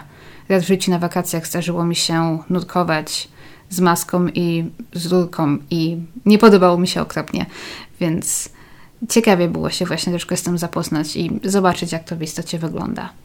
To jest właśnie jedna z tych rzeczy, które lubię, jeżeli chodzi o badanie różnych spraw true crime, jakkolwiek to brzmi, że to lubię, ale interesując się właśnie takimi sprawami i badając je zupełnie przypadkiem właśnie zdobywa się przy okazji wiedzę na temat różnych przypadkowych dziedzin, które zwykle są z tymi sprawami jakoś powiązane, tak jak w tym wypadku było to właśnie nurkowanie. Jeżeli podobał Wam się dzisiejszy materiał, albo jeżeli jesteście tutaj nowi, jak zawsze przypominam, Upewnijcie się, że przycisk subskrybuj na YouTube macie włączony. Zachęcam do zostawienia łapki w górę, ewentualnie jakiegoś komentarza, jeżeli chcecie się czymś podzielić z nami. To niby nic, ale pomaga zasięgom, pomaga statystykom, powoduje, że ten kanał nie umrze śmiercią naturalną. Przypominam też o linku do taniej książki. To jest link afiliacyjny. Kupując książki przez mój link, który znajdziecie w opisie pod filmem, dla Was cena się nie zmienia, a ja dostaję z tej sprzedaży niewielki procent, zwykle 2-3 zł, które przeznaczam później na inwestowanie i prowadzenie dalej tego kanału. Dziękuję wszystkim, którzy dotarli do tego momentu i trzymajcie się. Słyszymy się za tydzień w niedzielę.